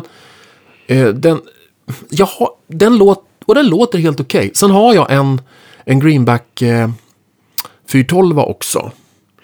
Eh, till en, en Marshall. Och det vet jag inte vad det är för årgång. Den är sån här, som har så här grått tyg. Liksom. Eh, men det, jag tror inte att den är gammal, utan det är nog mer en vintage. eh, Är det sådana så, så rutigt grått tyg? Eller? Ja, precis. Det ser inte ut som den bakom Andreas i alla fall som är lite så här beigefärgad. Nej. Utan den har väl ett, en, ett grövre mönster. va? Exakt, precis. Ja, där borde det- Och den är sådär hög. Den är liksom inte så här fyrkantig, utan den är rektangulär. Liksom. Ja, jag tror att det är på den tiden att de satte i de här uh, Heritage 30-55 hertzarna. De som också, det som ska vara Hendrix eller Ja, just något. det. Det, är de här, de, det är de som är lite oversize, eller hur? Ja. Satt det inte sådana element Ja, i det den? Det- känns bekant. Ja. Kan ha fel, men jag, är Ja, men nästan, du- jag har sålt sådana där och då har det suttit sådana 55 hertzer i alla fall. Ja, det kanske är så. Jag Jag. Är det en sån så stärk också, eller? Nej, det är inte en sån stark. Jag köpte den lådan. Det var en, det var en, när de, det var en studio som, som de la ner och då blev det lite, de hade lite backline i den som blev till salu. Då köpte jag den. Eh, bland annat och jag köpte en eh, ISO-box och lite saker som skulle, ändå skulle bort. Och då köpte jag den för att, för att jag tyckte det var kul att ha en, en 412 sådär. Eh, nej, min, min Marshall-topp, det är, det är verkligen ingen märkvärdig. Det är en sån här, kan det vara, 10-15 år gammal, sån här JCM 2000, så här TSL. En trekanalig. Just det. Ja, just det, triple super lead. Men det är en ganska bra, jag använder ju inte Marshall alls mycket nu för tiden, för jag kör ju nästan alltid bara på Fender-förstärkare. Men jag har den kvar och den är, den är, jag hade faktiskt den inne i studion och spelade in den nu så sent som bara för ett par, tre dagar sedan. Eh, jag skulle göra en, en, en liten soundrip till, det var en, en bakgrund till en sån här eh, eh, så här show, eh, showbakgrund. Det gör vi ju säkert båda två ganska mycket. absolut. såna där, alltså alla dessa Valma Salonger, kloner, varianter, båtar och så här showbakgrunder så ska det göras och bytas tonarter och göras. Eh, det, det har jag gjort ganska mycket sådana och då skulle vi göra Paradise City. Så att, jag tänkte då måste det ju vara ja, men Les Paul och Marshall då. Och då, då började jag med att spela in, tänkte att ja, men jag gör väl gitarrig, sån, sån tjänstedist borde ju funka liksom. Och göra. Så jag gjorde i ordning det. Och spelade in gitarrer. Och så gjorde jag, för att det skulle bli så här PA-biffigt, så gjorde jag vänster-höger-dubbar. Så att det skulle bli ganska mycket eh, verkningsgrad. Liksom. Dessutom var det bytt tonart på det, så det blev liksom inte riktigt, det, det blev inte riktigt rätt, utan man, jag fick liksom, man fick göra det på olika sätt. Ja. Då. Men eh, sen tänkte jag att, nej men nu, jag ger det här en timme till. Och så gick jag ut och så hämtade jag min, den Marshall-toppen i garaget och så, så reampade jag de gitarrerna med den. Från att ha kört på motsvarande fake i, i, i Guitar Rig i Logic då. Och det blev faktiskt ganska mycket bättre, ska jag säga. Vilket var lite roligt att det faktiskt blev. Ja. För jag hade ändå skruvat på det ganska mycket. Och så här försökt, försökt få till ett, ett bra sånt där. Sånt liksom rockigt slash sound så här. Men i och med att jag, den Marshallen och den, då använde jag den liksom steg tre, gain-kanalen liksom. Mm jag har inte haft den starka toppen igång på flera år, men den, det blev faktiskt riktigt bra. Så att, Ja, kul. ja. Men, men det var in i 212 då? ja, det var in i 212 Men, precis. men jag måste faktiskt eh, pratat en del med både Pontus Norgren och sen så givetvis eh, våran, eh, våran eh, husgud, i alla fall för många, Yngwie Malmsten. Han, Mm. De föredrar ju de här 75-wattarna. Mm. Inspelade så låter de ju väldigt, de kan ju vara lite så här spretiga Mm. och toppiga när de är nya. Men eh, efter x antal eh, hundra timmar så lägger sig det Mjuknar där de, ja. ja. Men jag tänkte säga det för att om jag jämför med min med 412 Ja. så den, den har ju liksom, den är mycket mer beslöjad egentligen. Sådär. Ja, ja, precis. De här 75 wattarna är nog lite, man kan uppleva dem lite stickigare. Ja. Men å andra sidan så kanske, att, kanske det är så inspelade att de har ett mer komplett Eh, man kan ju alltid skära bort det man inte tycker om sen. Liksom. Ja, precis. Så att de, jag tycker den funkar skitbra. Det är nästan också så här i, i, i mixsammanhang att det är nästan lite, det är nästan lite eh, snyggare att skära än att behöva lägga till någonting. Ja. Jag tänker på det i diskanten just, Mm. eller? Ja, absolut. Diskanten kom ju ofta ändå fram lite till eftersom man nästan alltid ändå kommer att köra det genom någon buss med kompression. Ja. Och då kliver ändå övertoner ut lite till. Liksom. Ja, då upplever man det som ljusare. Så att jag tycker nästan all... Jag tycker inte att det är nästan aldrig ett problem att man har för lite diskant. Nej. Men jag tycker just det här Vintage 30, jag tror att varför det är så omtyckt, det är ju att den har ju mer mellanregister. Många hårdrockare är duktiga på att ratta av mellanregister. Och sen så att den är lite rundare uppåt än vad 75 wattan är. Så att jag tror att den, den, den liksom... Den får många toppar eller distpedaler att låta bättre. Ja. Eh, Medan den andra 75 wattan blir mer avslöjande helt enkelt. Hur övertonserien... Ja, Alltså, Vad är det för verknings, verkningsgrad på Vintage 30? Eh, 100 decibel 100, är det är ganska eh, en watt, en meter. Enligt Celestion i alla fall. Just det. Jag tror att de här, de här 75 är, ja, de är på 97-98, lite lägre i alla fall. Fan, att du kan det där. Det är, jag är grymt impad av sånt. Ja, men fråga, ta bara ett element från Ja, men Celestion-katalogen. vi tar eh, alltså, G12M då. G12M, alltså tänker du på Kina eller det som är 20 watt? 20 watts. Det är på 96 dB. Däremot den 20 25 watten som görs i Kina, den tror jag har 97 dB. Ja, Och sen så de två eh, 55 hertzan och 75 hertzan som heter Heritage, de ska ligga på en 100 styck. Creamback då. Creamback eh, 75 ligger på 100 decibel medan den som heter 65 ligger på 70 95. Eller vad säger jag, 97. Förlåt. 97. Jag ska, precis, det är mycket siffror som rör ihop det. Men de flesta ligger, den som har minst verkningsgrad det är den Heritage 20, eller det är eh, det Van Halen-elementet. Det ligger på 96 av Celestions Det är stolbar. jättestor Och jag, ty- skillnad mot jag, ty- 100. jag tycker också sådär att man ska ta det där äh, med en nypa salt när man jämför till exempel det som står i Eminence-katalogen med det som står i Celestion-katalogen. För det är ändå två olika, de har säkert mätt det där på lite olika sätt. Och det där är ju också angivet vid en specifik frekvens. Jag tror att de brukar köra en kilohertz va?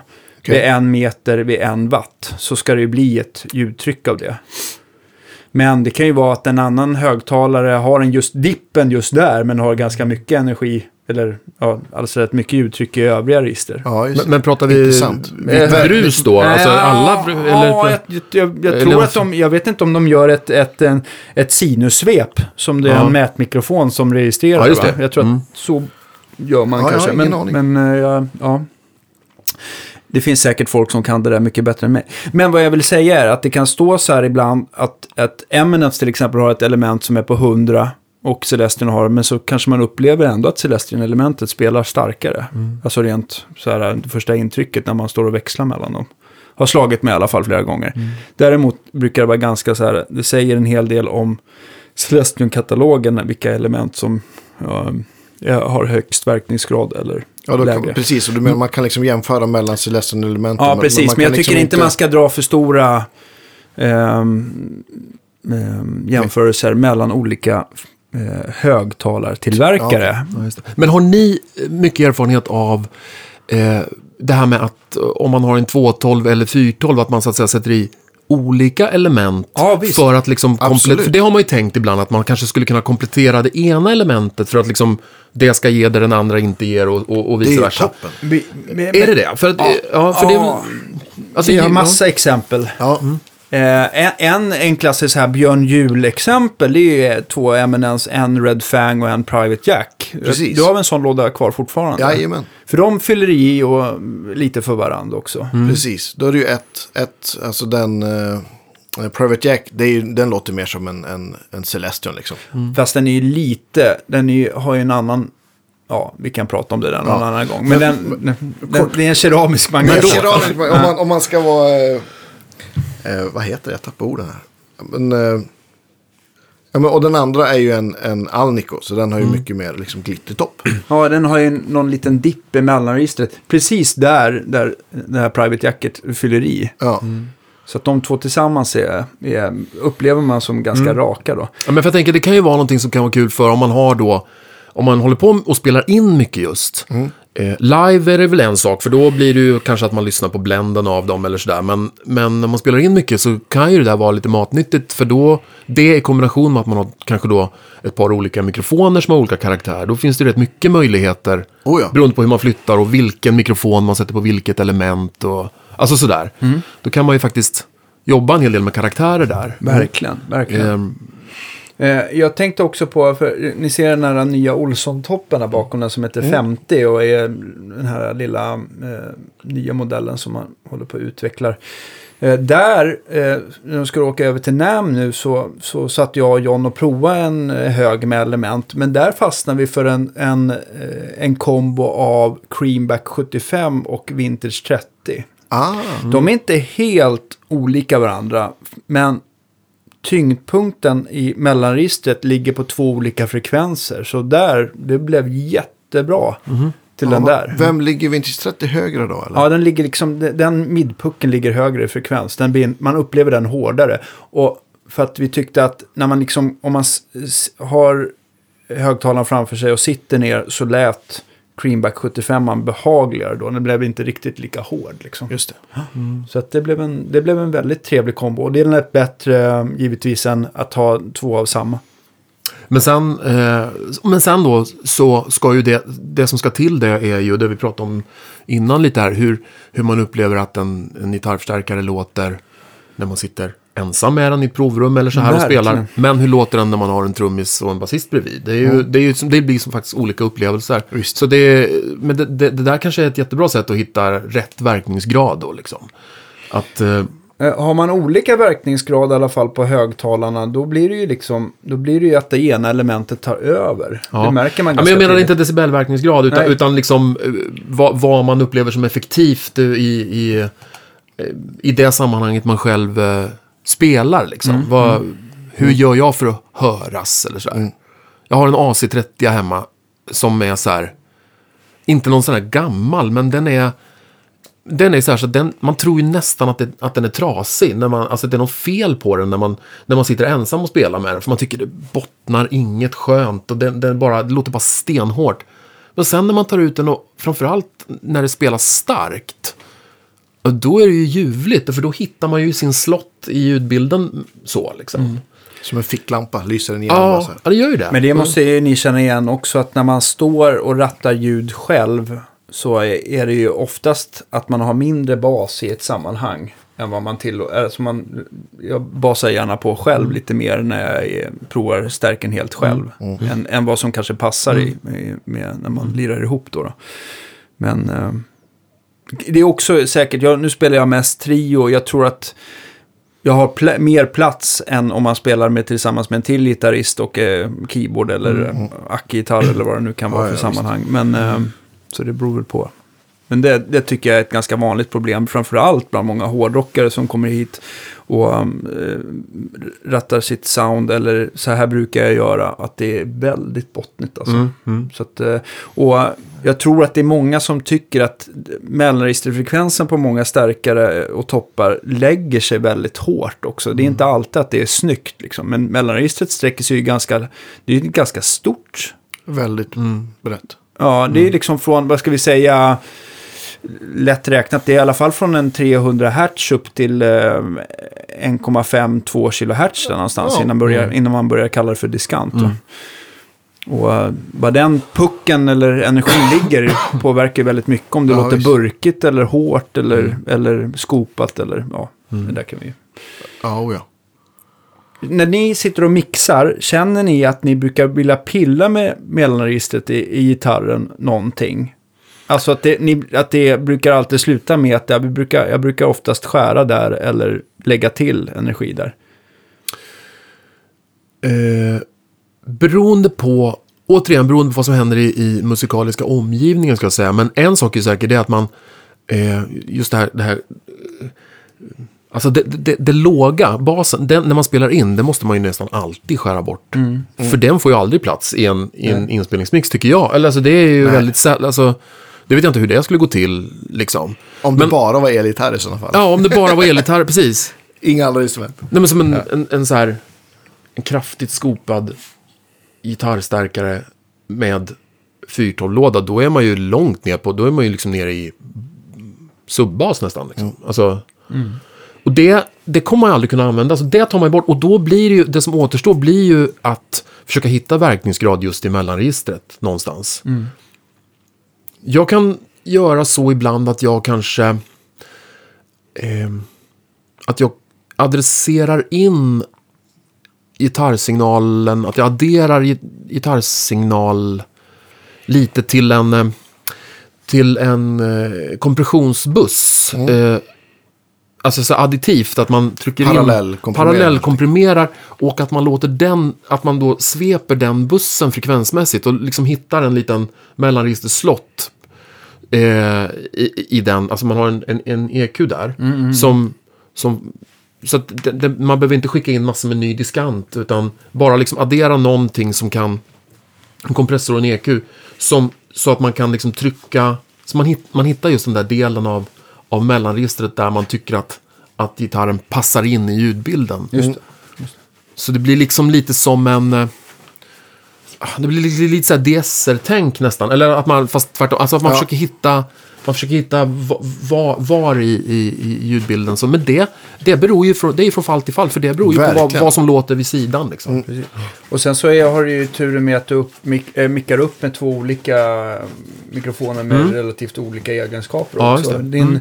Din, Roye-kopia är väl väldigt så här, äh, jag ska inte säga att det är den mest basiga, Roye brukar inte vara den basigaste bandmikrofonen, men, men äh, den står ju för rätt mycket tjockhet och och har lite rundare, Mm, ja, rundare ja. diskant medan 421 den är i alla fall har jag upplevt som brightare Mm. än, än, än, än en vanlig Shure SM57. Va? Så att Ja. du är nästan, nästan Mm. ett, eller hur du upplever Ja, men det tycker jag också. Ja. Precis. Jag vet inte, jag har... Förlåt. Jag har använt 421 lite på samma sätt som ungefär en 57. Det är samma här. Eh, sådär. Eh, alltså i egenskap av den, alltså sådär. Men, Just men, men just att jag tycker att, att de kompletterar varandra bra. För då, Mm. då kan man, det den ena inte har, har den andra. Och, så, och sen så behöver man ändå inte vrida upp toppen jättemycket på bandmicken så mycket så att det börjar brusa för mycket där eller någonting. Utan då, har man, då finns det. Så det, det. Ja, det, det är i alla fall ett sätt att göra det på tycker jag. Verkligen, Mm. verkligen. Förlåt, Har du, har du någon annan så här äh, när det eh, kommer till just högtalarelement som vi pratade om lite grann. Någon annan kombo som du alltid tycker är, det där blir mums. Eh, jag har en annan låda som har... Om jag har en scumbag och en, en creamback. Då är det ju liksom två ceramis, keramiska. Men, eh, men de låter lite olika. Den, är, den scumbaggen låter väldigt väldigt så här gammalt och pappigt. Och creambacken låter lite modernare. Där har jag just, de har spelat in, har jag, då, har, då har det varit jättebra om man kunde blända liksom. För de fyller också i varandra väldigt bra. Ja, just det. Men, de, men uh, Scumbacken, den, den är ju en Celestion-kopia. Ja, exakt. En amerikansk Celestion-kopia. Och de gör väl... De gör väl Alnico också, men de har väl egentligen tre olika magnettyper som är Precis. keramiska då. MJ och Ja, det här är en M. K. Ja, den som är minsta magneten Precis. helt enkelt. Ja. Är de decibelmässigt matchade så att man liksom på något sätt hör båda lika mycket? så att det inte blir som du det, sa att beror- den det beror på vilken greenback du har. Eh, jag, jag vet, det är en bra fråga. Jag, jag upplever det så om man står framför den. Mm. Men jag har inte faktiskt kollat vad, vad den skambacken, vad den mäter. Men det är ju en creamback, så den, vad sa du, den mätte 97 då? Om det är en En creamback 65. 97, ja, precis. Men jag tror att den där scumbacken är ganska nära faktiskt. Mm. Eh, men det man hör med scumbacken, nu vet jag inte hur många watt den klarar. De gör ju lite olika, de har ju lite olika talspolar för hur mycket effekt de klarar av. Ja, just det. Men jag för mig att creambacken brukar... Alltså det är en 65 wattare det också. Ja, precis. Okej, men upplever du inte att creambacken kanske inte mickar upp dem samtidigt, men att den, den, är, den komprimerar lite senare? Jag har fått den känslan av scumbacken att den liksom låter Det- mer äldre. Liksom, ja, att den, men, ja, men den- det gör den. den Men jag vet inte om man tänker på det. lite snabbare. Om man står framför så tror jag att det, i och med att man har båda så är det svårt då. Mm. Men om man mickar är det jättestor skillnad på dem. Den har, den har mycket mindre bas, scumbacken också. Mm. Om man mickar med samma. mikrofon. ja. Men där är ju också, än en gång, vi har pratat om det i andra podcast, men för er som har missat det, att ett element som den här, till exempel den här 20 watts Heritage eh, Greenback eh, elementet, eller är, den som också heter Eddie Van Halen, den låter ju, i en stor 412 kan det ju låta helt magiskt. Ja, shit. Men i en öppen 212 eller öppen 112, det låter, det låter, det låter tyvärr inte bra. Alltså. Det finns det, så att det är absolut inget kvitto att eh, ett element som låter bra i en typ av låda låter bra i alla andra. Nej. Vi har sett till exempel, vad heter det, Brad Paisley, han har en, en eh, Alnico Blue och en Alnico Gold till exempel. Ja. Så, men, men det är väl också en sån klassiker att, ha en, ja men det som jag hade, vi pratade om där, men en, en Alnico och en, en eh, ceramisk, keramisk, vad heter det? Jag kan inte prata idag. Keramisk. Keramisk, Keramisk. tack. Ceramic, jag tänker det blir svängel, det blir. Ja, precis. En ceramisk högtalare. Men vi förstår. Nej men, eh, ja. Eh, men där, det är väl det som sitter också hans signaturförstärkare från Dr. Z. Det brukar de väl ha. Ja, just det. Ja, det Och det. där kan man ju få en, i, i den stärken kunde man verkligen få fram den här, eh, den här diskanten som skar igenom som en Glas. osthyvel. Eller osthyvel, men ni vet vad jag menar. Den var, den, ja, Spik. var ganska vass vill jag minnas, även om den Jag blev, C-rec eller... Nej. vi, vi spårar lika mycket idag som vi gjorde förra gången. Det är underbart. Jag, vi Ja. tänker på din Ja. hemmarigg där. Du, Ja. du, har, du har ju din Marshall där. Har du någon annan stärkare? Vad är liksom din go-to? Vad är det, det första du kopplar in så här? Om du så här, Eh. gitarr 1A. Ja, en, eh, eh, en eh, Fender Deluxe 22 watts topp. Alltså en vanlig Deluxe. Den är, inte, Ja. den är bara ett par år gammal, den, par tre år gammal, men den, det är liksom en vanlig Fender Deluxe, fast, fast inte Hot Rod Deluxe då, utan, utan nej, nej, Mm, den. en, de- en deluxe. fast en topp. Och den är, jag tycker den är skitbra. Det är verkligen en smör och bröd. Det är liksom eh, sådär förstärkare 1A på något sätt. Och den blir ju olika beroende på vad man då... Jag vet att jag berättade förra gången, live brukar jag köra den med en, eh, eh, också en 212, som egentligen är en, jag tror att det är en Vibro King extension-förstärkare. Yes. Ja, just det. Box. Och som jag inte, om jag inte minns fel så har den 2V30 va? 2 V30 ja. Eh, och jag tycker det funkar bra. Och den funkar bra att köra i den här, den här Marshall 212-lådan också. Och det är en sån där bra, så då har jag den, jag brukar ha den liksom stå på arbetsbänken där jag sitter och jobbar och sen så Perfekt. kör en lång högtalarkabel bara in där. Ja. Den, den, det är faktiskt en jävligt ball stärkare. Det som är lite, kanske sällan ett problem, men för att, effekt, för att förstärkaren ska kunna lämna sina 22 watt som den är Ja. spesat för så vill man gärna ha en låda som är eh, matchad. För jag har för mig att det inte går att reglera ohm på baksidan. va? det gör är det bara- Det är en inte. 8 Mm. ohms eh, jack har för mig, eller två. Ja, det är precis, det- Som, det är precis som på, på, på kombosarna, alltså det är så här, Ja, eh, internal, external. Liksom. Men det är, lite, det är lite olyckligt för att i den här eh, Vintage 30-lådan som är till en eller den här eh, Vibro King-lådan, den är på 4 ohm. Är jag nästan bombsäker Ja. på om den inte är rörd. Och då, då får du inte ut den effekten som förstärkaren kan ge. Så att du kanske Kan inte det vara en 5. fördel också? Att man då får Jo, liksom... alltså funkar det bra så funkar det bra tänker jag. Men, Ja. men en stärkare mår ju bra eh, ju mer ohm matchat det är. Mm. Skulle jag säga. Just det. Men det, det är känsligare för en, för en, eh, eh, för att återgå till en, eh, en sån här klass A Vox eh, AC30 än Ja. vad det är för en Fender. Fenderna klarar den här missmatchningen Ja, bättre. Även om det, ja, man ska inte rekommendera något. Men det har, håll, det har, det har hållit hittills, eller hur? Ja, det har det, har det gjort. Och det är konstigt att jag tror att, jag har nog inte tittat så noga, men bak på den där högtalarlådan så vet jag inte ens om det står hur många ohm den är på. Jag, det, Nej. Det, är bara, det, det kan man ju läsa sig till någonstans. Men nej, men det har, det har funkat jättebra. Det råkade bli så därför att de såldes samtidigt och med samma...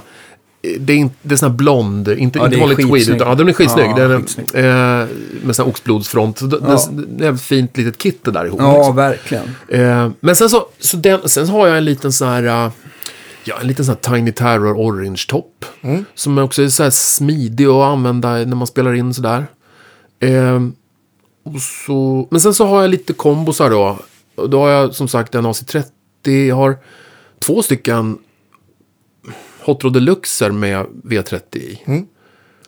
Som är röda. Det var något år när de, jag för mig att det var så när de första gången frångick de vanliga eh, Hot Rod Deluxerna som ju var svarta bara.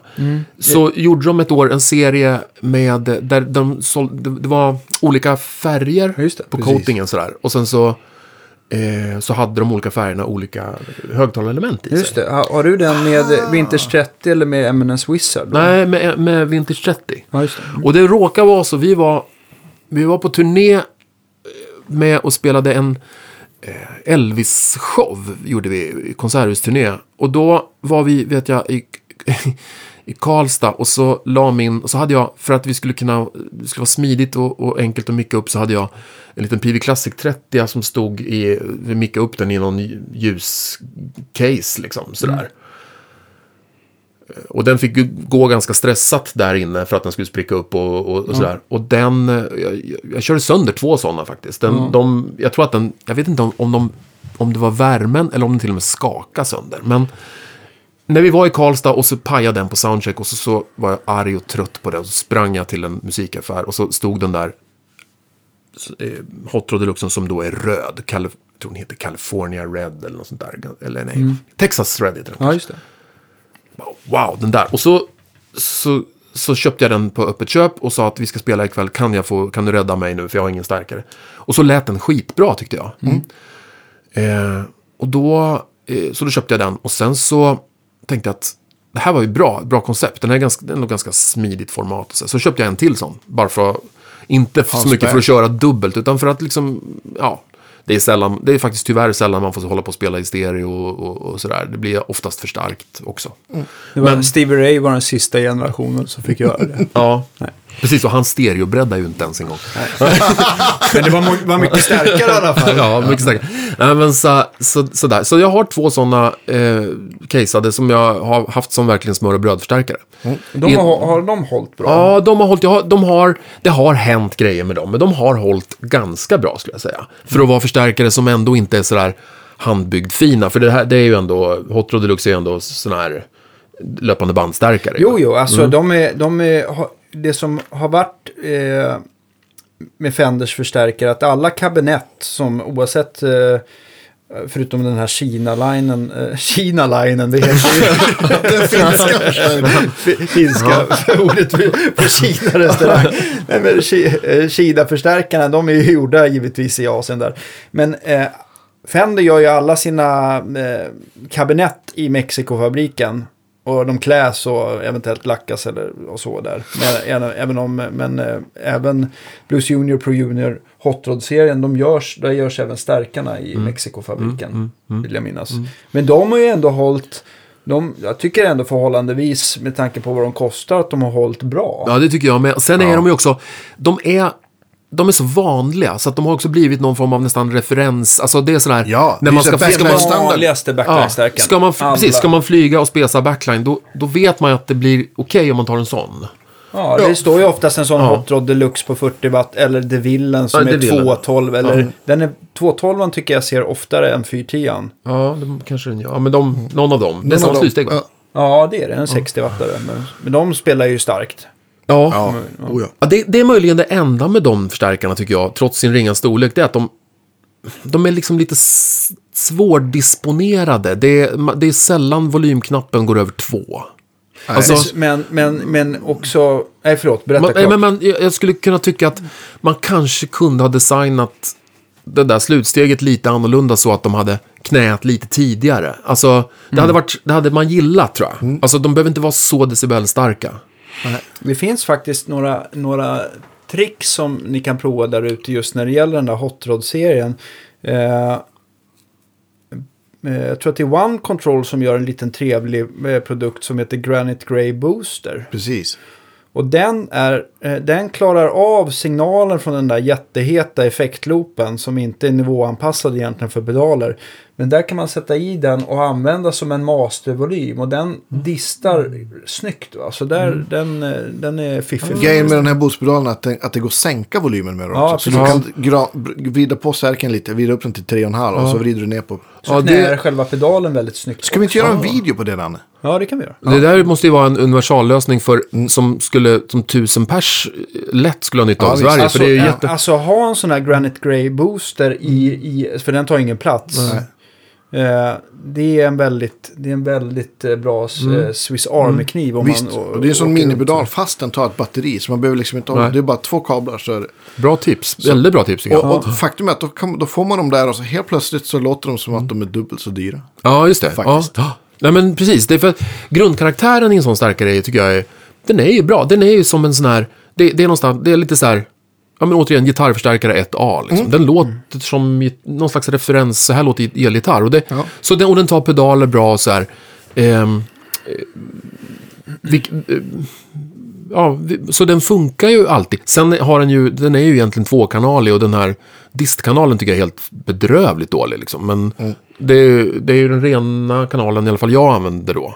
Den bästa var ju den, du hade ju en sån som du eh, sålde till mig. Jag för mig att det var en 410 som Ja. eh, herr Hjul hade varit inne i och sänkt gainen så att den nästan blev som kanal 1. Ja. Man kunde få lite spräck på toppen, Ja, men då blev det ju mycket roligare. Ja, då jag. blir det skillnad. Det var ju dumt att jag sålde den.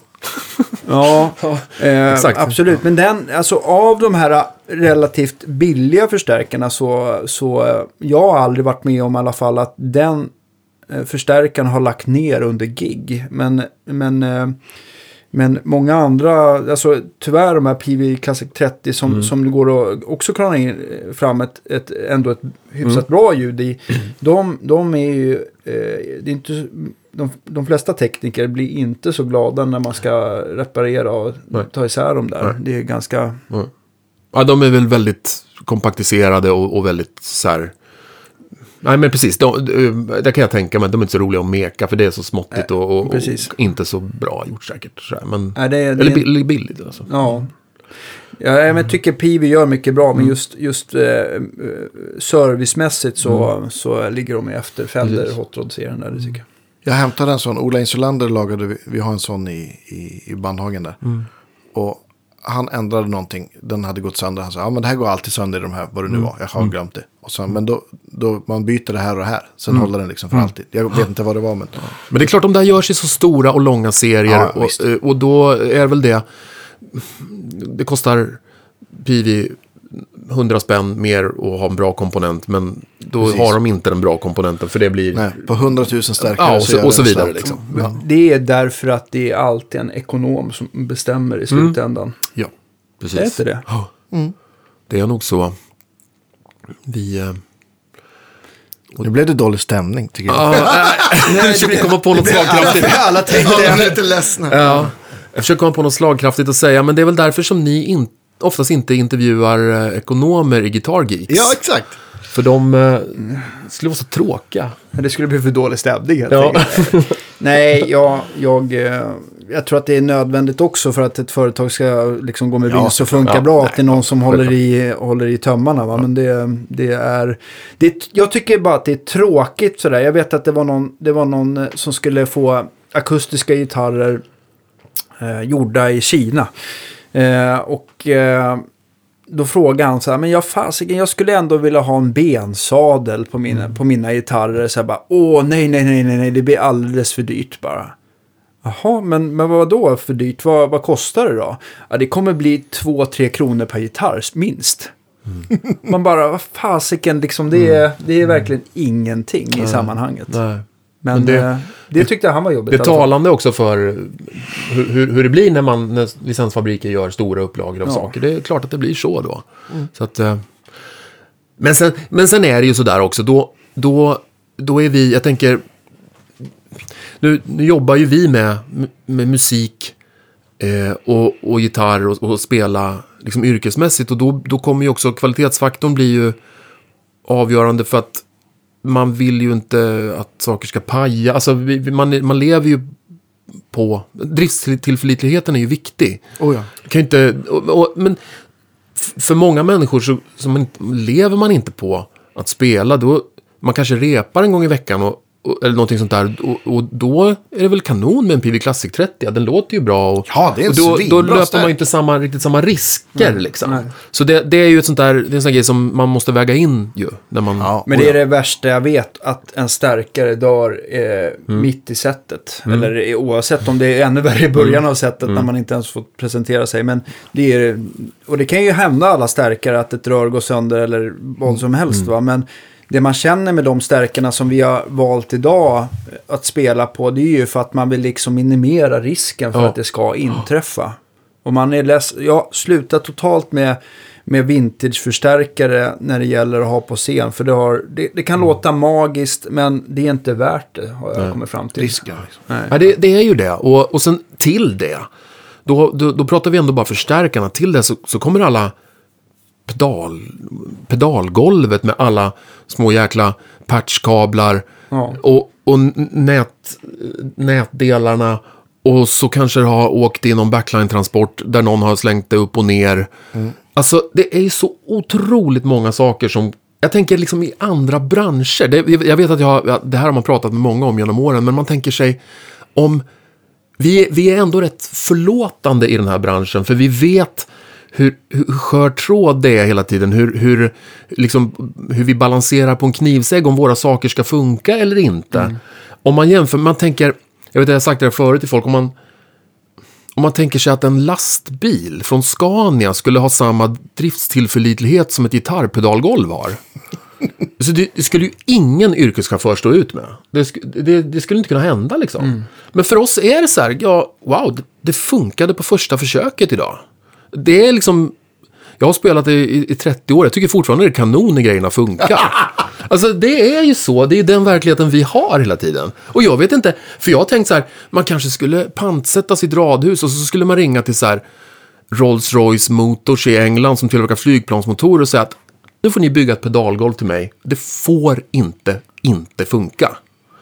Då skulle de säkert kunna göra det, kanske. Ja, absolut. Men, men det, är, det ingår liksom i atmosfären kring vårt sätt att vara. Att vi håller på och pysslar med våra grejer. Det vet inte fan om det inte till och med är så att vi vill ha det lite sådär. Eh, Det är för vi vill byta ut saker lite hela tiden. Och Ja, men så är det. vi tycker om att geeka på prylar. Liksom. Ja, absolut. Men just så här, det, det är som Sound of Silence och Erik Stenemo, Backline-verket. Det finns ju, eller när man själv har gjort pedalbord. Det är, det är alltid liksom, eh, alltid, eh, det tar tid och om det ska hålla, kör inte lödfria kontakter. Det är ju, ja, än en gång, det är det första jag säger till kunderna. Och det, du måste lyxa till det med att ha lite plats så att inte Eh, att inte grejerna skaver på varandra liksom. Så att, eh, Och där återigen, ska du sätta upp ett pedalbord som står i din replokal eller, eller hemma i ditt musikrum.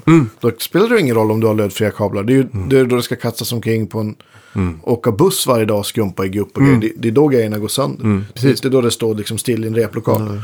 Så att, Ja, men det, det är ett faktum. Det är någonting som hör till våran bransch lite grann. Som ju ingen annan skulle stå ut med. nej, det är faktiskt sant. Jag har aldrig funderat på det, men det är... är det fler grejer du har funderat på som inte, eh, som inte andra skulle stå ut med? Ehm, Jag tänker på sådana här... Jag, jag, jag, jag tänker på sådana här... Eh, någonting som jag kan tycka är är tråkigt ibland med privatgig, ibland med bröllop och sånt där. Just den här eviga väntan. Mm. Är, det en, är det en bra kandidat?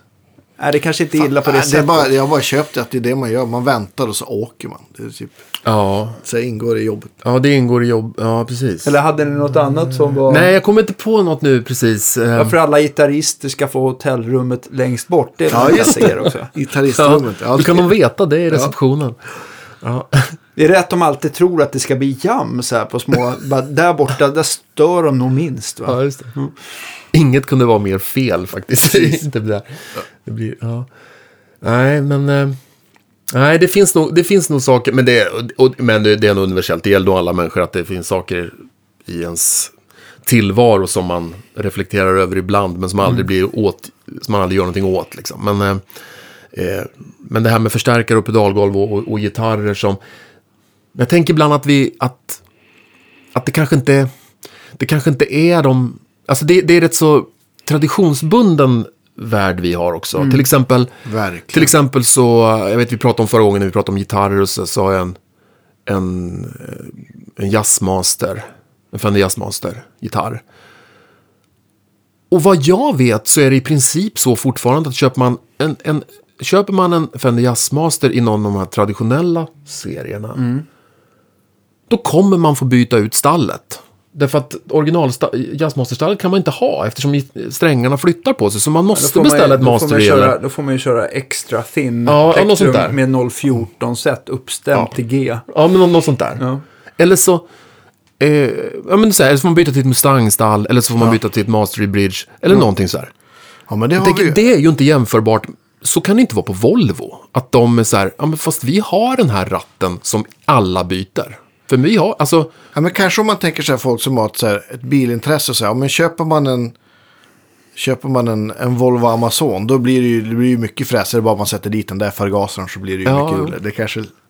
kan, ja precis, men det här är ju rent funktionsmässigt. Ja, och det är Fem- för sig men. Fender har ju väl, de har väl varit väldigt så här, eh, traditionalister. Att de, är, de gör som de alltid har gjort. Mm. sådär. Men däremot så... Men är inte det för att vi vill ha det så? Ja, men, jo, men jag- jag tänker att det är kanske någonting signifikativt för Ja. våran bransch just. Men, Eh. ka- men kanske en sak om man eh, går till en annan gitarrmodell. Eh, nu har det kommit lite grann givetvis med beroende på vilket svaj eller stall man har. Men till exempel alla vintage Strata-svaj som har en gängad arm. Och sen så tycker man att den, liksom, den glappar. Den är inte som ett modernt Wilkinson eller ett Floyd Rose. Att man verkligen tycker att ah, svajarmen sitter fast och är med. Liksom. Utan man ska, man ska, oavsett om man pillar dit en fjäder eller gängtejp så, så är, stör man sig på det lite grann. Fasiken, eh, investera tusen spänn och köp ett Callahan-block som, är, som, som passar i de flesta fall rakt av och massa varianter. Då är det gängat sista biten och sen så har de gjort en sån här som de här pop-in-armarna har. Att man har liksom en nylonbussning sista biten som Jaha, gör att det okej. håller sig på plats. Va? Det, är en, det är en sån uppdatering som jag tycker folk ska göra. Telestall med såna här mässing eller stål som är helt släta. Där strängarna glider omkring och så hamnar de i, eh, i precis där skruven sticker upp och så, så går strängen oftast av eller låter sitarr. Det är också så här, varför står ni ut med det? Jo, men för Fender alltid har gjort så där. Det är, eh, jag tycker att eh, köp något så här Glendale eller gör även Got och sådana här mässingsadlar som Just det. där strängarna liksom är både förintonerade och håller sig på plats. Men vi tycker att det är kul för vi lider ju alla av, av GMS också. Inte bara gas utan Gear Modification Syndrome. Ja, just det. Lider inte vi det av det alla gitarrister? Precis, Det kanske mindre. alltid, man Så är, vi vill och sen så egentligen- är det så Ja. att man är, man är nöjd men det kanske kan bli bättre. Ja, Ja, precis. eller hur? Ja, men exakt. Och det är ju därför vi, vi, det är ju därför vi sitter här. Alltså det är ju, det är ju hela, det är ju intresset i det. Mm. Men just som, som, som bransch, ur något slags så här industridesignperspektiv, ja, ja. så är det ju ändå, så är det här en speciell bransch. Ja. Eh, just för att vi, om, om man då skulle jämföra med, inte vet jag, industridesign i övrigt eller bilar eller, Mm. eller sjukhusutrustning eller någonting sådär. Som bara är funktionsanpassad och som, som ska vara optimerad. För det är ju någonting med, det är ju någonting med konst överhuvudtaget, och inte minst musik då, att vi... Eh, vi tycker inte om när så, alltså det, det skulle ju gå att tillverka en akustisk eller en elgitarr som är per definition helt anpassad för att vara så bra som den någonsin kan bli. Men vi skulle förmodligen uppleva den som väldigt osexig. För vi kanske gillar de här, det här som är lite avigt eller lite motvalls eller alltså den viben liksom. Ja, det ligger, det ligger mycket i det i alla fall. Och det känns också som, jag vet inte, det är, det är också lite konstigt när man, när man eh, träffar kunder ibland. Det är många som, de vill ha grejer som sticker ut som inte någon annan har. Men det är ändå, det är ändå få som kan tänka sig nya gitarrformer och nya märken. Det är ändå lite så här... äh, Är ni med på vad jag tänker? att det är ganska tradition... Sverige är väldigt traditionellt och jag tror att det är mycket svårare att slå sig in på den svenska marknaden som nytt företag när det kommer till våran... Alltså bland... Vi är ju eh, mycket mer så här än, än i USA liksom. Ja. Som, ja, men, så här, amerikanska kollegor som man har och känner som, ja men de, de, de liksom ställer sig utan problem på, på motsvarigheten till morgon-tv med en PRS. Vilket Mm. ganska många kollegor inte skulle göra här. Nej. Det känns bekvämare med en gammal tele eller en, sin Strat. Jag har faktiskt inget... Visst, det är svårt att hitta ett svar på vad det beror på. Men det kanske är bara för att det är just den delen av vår bransch som har spelat huvudrollen under ganska lång tid. Alltså där man har, där man har varit kredsökande. Ja. Både i, liksom, i det musikaliska urvalet. Men att det också har smittat av sig då på liksom, vilka instrument. Att det, att det alltid är något lite finare eller bättre eller creddigare med vintage framför nytillverkning. Jag, jag, jag vet inte vad det beror på, men att det är så, det är ju ett faktum. Ett lustigt, en lustig grej var ju en, en, jag ska inte nämna vid namn, men det finns en eh, yrkesbasist som, som verkligen väljer bas beroende på vilket land han spelar i. Så att han har alltid haft, det har varit Sverige eller gärna Europa sådär, så har han haft sin gamla slitna 60-tals P-bas. Men åker han till Sydamerika, då tar han den här 5-6 strängade vita med genomgående hals och gulddelar eh, delar med, med extra aktiva mickar. Ja, du vet allting. Bling, bling, bling, Ja, bling, bling. Möbelbas. Då ska det vara det. Då är det det som, tycker man bara att man, det, då blir det så här lite loser-känsla med den här slitna Ja. P-basen liksom. Så Har du inte råd att köpa ny? Nej, men ja, nej, men så det, det, det är rätt intressant. Det är ju kulturellt betingat helt enkelt. Ja. Ja, vi kanske får leva med att det är Ja. traditionellt. Vi- vi Nej, är- det, bruk, det börjar faktiskt släppa lite grann. Det är, an, det det- är ja, men det annorlunda börjar- nu jämfört med när du körde Custom Sounds på, på Drottninggatan. Ja, herregud. Alltså, ja, men alltså backar man... eh, Alltså det har hänt asmycket på 15 år. Ja. Men, och nu görs det också... Eh, den där gränsen mellan nytillverkat och vintage har liksom suddats ut lite också. Om man tänker med så här, ja men... Sir är väl det första jag tänker på. Och liksom, ja men, men Sonnemo också som är en sån... Som gör asgrymma gitarrer som kan se vintage ut men spelar som en... Som en... Ja.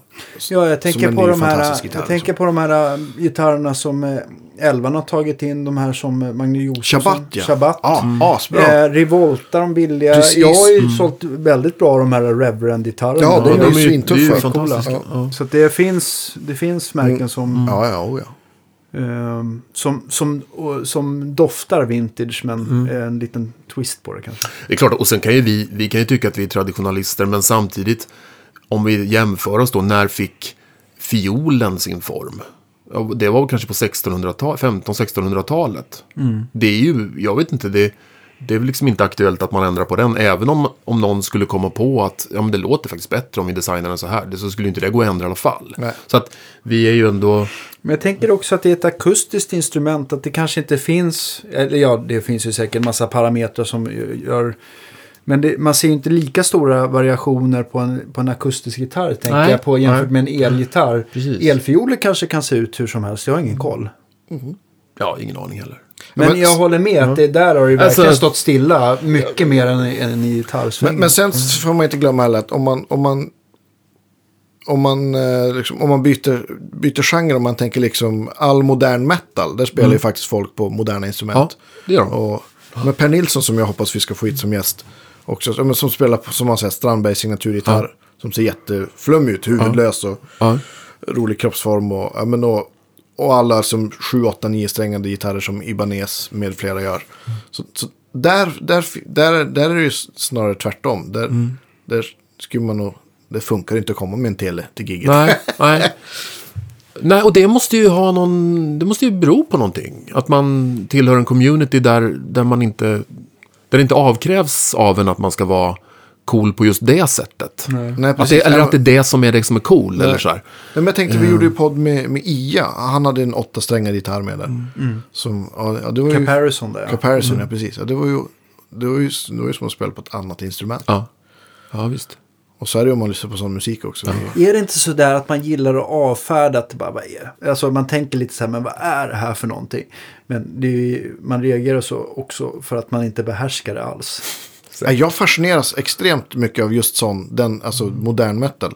Jag Ja. kan inte säga att jag lyssnar på det särskilt mycket, men just för att jag har ingen aning om hur de gör. Nej, precis. Det, det är som att lyssna på, på, på John Coltrane. Det, är bara så här, det blir någon så här fas, fascination. Men, sk- men skulle ni...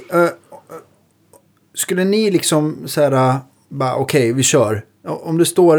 eh, det har blivit en practical joke precis innan tv-sänt gig. Det står en åttasträngad Ibanez där din, eran favoritgitarr brukar stå. Och det är bara det ni får använda hela showen. Är jag det- skulle blir- nog spela fel då. skulle Ja, jag skulle det gå? Jag skulle utan tvekan spela fel då, men... eh, Om det var playback. det skulle kanske- ta en stund. Man kanske skulle hitta något sätt, något pattern. Ja, men här, mitt, här har vi ju den vanliga gitarren i det här, okej. Eller något Ja. sånt där. Ehm, mm, Men hade men- du tänkt så här bara, det är någon jäkel jag ska mula? Eller hade du bara sett det så här som en kul utmaning? Vad tror du? Nej, jag skulle nog hellre, jag skulle nog mula hellre. Okej. Ja. Mm. Nej, jag, Eh. jag, det skulle nog inte bli många rätt. Gitarren är ju, någonstans så blir det ju så att man... Alltså det blir ju ändå en, en förlängning av kroppen. Det blir så- alltså, det är inte som att man, när man spelar gitarr så blir inte att man tänker på varenda ton man slår ner. Utan det blir ju som, ett, som en förlängning av vad fingrarna gör när hjärnan musicerar. Så att eh, det, det finns ju tillfällen när man har... Jag, spelar, jag vet att någon gång så skulle jag spela ett, ett stycke i med en operasångerska. Det, var, kompo- det, var, det, var, det skulle vara gjort, det var, det var i öppen F-dur. Okej. Eh, vilket gjorde att min hjärna, alltså hur jag än, när, rep, när reptilhjärnan slog till och satte ner fingret på ett ställe så blev det fel varje gång. Liksom. Alltså mot hur notbilden såg ut. Sådär. Då märker man ju hur, hur, eh, hur invanda mönster det ändå bygger på. Eh, att Ja, men li lite som att det är ju nästan omöjligt att cykla med armarna i kors på styret. Alltså, man, hjärnan kan inte tänka om det så fort, Nej, utan man, kom, man kommer vurpa liksom. Och det, lite, så, lite så kan jag vara väldigt impad av sådana som, som, som liksom sådär, eh, utan att tveka kan kasta sig mellan flera olika öppna stämningar på gitarrer och, och flyhänt spela på det liksom. För då måste man ju så att säga tänka om nya patterns. Och då kan man ju inte Det är bara sätta... vanesak tror jag. Ja, det är en vanesak, precis. Men, men, men det är det jag menar, det är att, att spela är en vanesak. Så att hoppa över på en åttasträngad gitarr, då skulle man lira fel. För just vanan, reptilhjärnan skulle sätta fingrarna på fel ställen. Liksom. Eh, Ja, ja, Är du inte bara rädd att, att eh, de övriga i bandet skulle klaga på er? Bara för att ni bara skulle vilja ha nere på den det är klart att de- B-strängen? Jag tror att Vad skulle garva om de jag, skulle om jag kom med skratta. åtta strängar De, gitarr. ja, de skulle skratta. Ja, precis. Det är, det jag är rädd. Får- får- får och en- det är ännu värre. Får en lavett av, av basisten som, som är förbannad. Var du, varför är du nere i mitt register då? Ja, exakt. exakt. Nej, vi Nej. måste få hit några sådana, Ja. Ja. några åtta strängade killar också. Vi, Så- pra, vi pratade om, vi spårade ur igen, återigen, ut från, från eh, ja, nu var det så. Shuffle Nights eh, Ja, ja, ja, ja, ja. grejen. Det var, men det, ni har spelat in 12 låtar, där var vi. Ja, jo men det har vi gjort. Vi en har spelat halvtimme in, vi håller på och finslipar och putsar. Vi ska göra färdigt fyra eh, till att eh, försöka promota i det projektet. Eh, och det kommer bli, det, det, det blir nog kul. Så alltså att, ni släpper typ en EP kan man säga. ja, vi börjar, eller ja, precis. Eh, vi ska börja i någon sån ände. Eh, och, och så får vi se. Men det är ju då, återigen, just det här behovet av att, att ett, ett projekt där man står vid rodret själv, där, där ingen annan bestämmer över en. Och, så, eh, och eh, liksom få prova sina egna idéer och få någon... Ja. Så det så, sådana grejer. Sen så kan jag tycka inför framtiden, jag skulle gärna fortsätta att göra mm, mera sådana här reggae dub-prylar. Det Ja, tycker jag är coolt. väldigt kul alltså. Det är, ehm, och det är, att göra sådana saker är också så utvecklande tycker jag för att jag vet inte, jag, jag, jag tror nästan ni kan skriva under på det också. Nu, nu är inte vi unga cats längre som liksom pluggar musik och man, när man är i den åldern blir man väldigt då blir man väldigt, eh, eller man- blir väldigt fokuserad, man snöar väldigt mycket på sitt eget instrument såklart, därför man försöker få upp alla chops och lära sig spela på alla sätt. Men ju mer man lirar och vart efter åren går så upplever i alla fall jag att jag blir egentligen mindre och mindre eh, fokuserad på mitt eget instrument som sådant i en, i en musicerande situation. Och jag tycker nästan alltid att det är viktigare med helheten. Och Absolut. Jag kan tycka att det väldigt ofta liksom kommer jag på mig själv med att jag tycker att det är roligare liksom att hålla på och regissera trummor eller sång eller stämmor, alltså sådär, eller sound eller kompression eller alltså för mig kan ofta, i alla fall i inspelningssammanhang eller produktionssammanhang, kan gitarren definitivt komma i sista hand ibland. Att det finns något liksom f- befriande med att hålla på med det andra i Verkligen. musiken. Ja. Man har blivit liksom en lagspelare på riktigt istället för den här dribblande forwarden. Ja, men lite, lite så. Så. Så man... Och det, det tycker inte jag känns som något sorgligt att man har blivit sån. Nej, det är ganska skönt tycker jag. Ja. Eh, och, Ja. Kan man äntligen ge bort ett solo? Så när jag gjorde den där plattan med Kayo som var, byggde väldigt mycket på reggae-beats och lite så argentinska klanger, tango-grejer och sådär. Var ju väldigt, blev väldigt lite gitarr egentligen och jag tror inte jag skrev någon av låtarna på gitarr heller. Eh, och det, det tyckte jag kunde, det tillförde rätt mycket att liksom tänka på, på andra sätt. Och, och sådana projekt skulle jag, skulle jag personligen gärna göra mer. För av någon anledning blir det ännu roligare att spela gitarr sen när jag väl gör det då. Eh, med andra eller med i frilanssammanhang eller något Ja. sånt där. Eh, så att, eh, jag vet inte. För mig i alla fall, musiken är en stor, stor liksom helhet där, där mitt gitarrspel är en del av det, men det är absolut inte allt. Mm. Eh, ja. Jag håller med. Det är mycket kloka ord. När man hörde det som, som du hade spelat in så är ju liksom hur trummorna spelar, hur grooven är, hur svänget Ja. är, hur keyboards, alltså Jag, jag råkar spela, det var lapstil på den låten. Men Mm. det jag säger, jag, jag råkar spela gitarr. Men jag tänker, jag gör, gör ju ingen gitarrmusik. Tycker jag.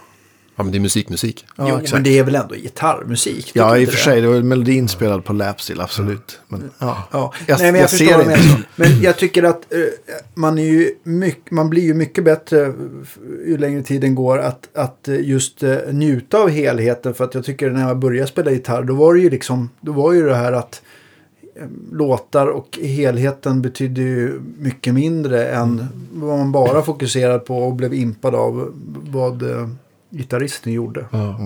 Så var det för Det mig i alla fall. Men det är säkert för många andra också. Vad, hä- vad händer framöver då? Vad, förutom Shuffle Nights. Ja, precis. Eh, det ska vi fortsätta med lite och andra sådana där projekt. Jag ska... Vi ska göra... Nu är det liksom en vanlig frilanstillvaro just eh, som det är precis just nu med lite olika... Jag ska, vi ska göra en turné. Jag ska åka med i en konserthusturné eh, som är, den heter Sol, vind och vatten. Jag har gjort den flera gånger. Det är eh, Ted Gärdestad musik som görs i konserthus. Och den här vändan, då är det, Janne Schaffer är eh, liksom ciceron och berättar stories mellan låtarna. ja, kul. Spelar såklart. Och så är vi ett band bakom och sen så är det olika artister varje turné. Och jag har gjort det flera gånger, men den här gången är det Johan Boding som sjunger och så är det Pernilla Andersson. Eh, hon heter, ska vi komma ihåg rätt, Moa Lignell, tror Ja, jag, det. idoltjej för några år sedan. Som är artisterna och sen så, det ska vi göra ap- april, maj, mars, april, eller ja, april, maj.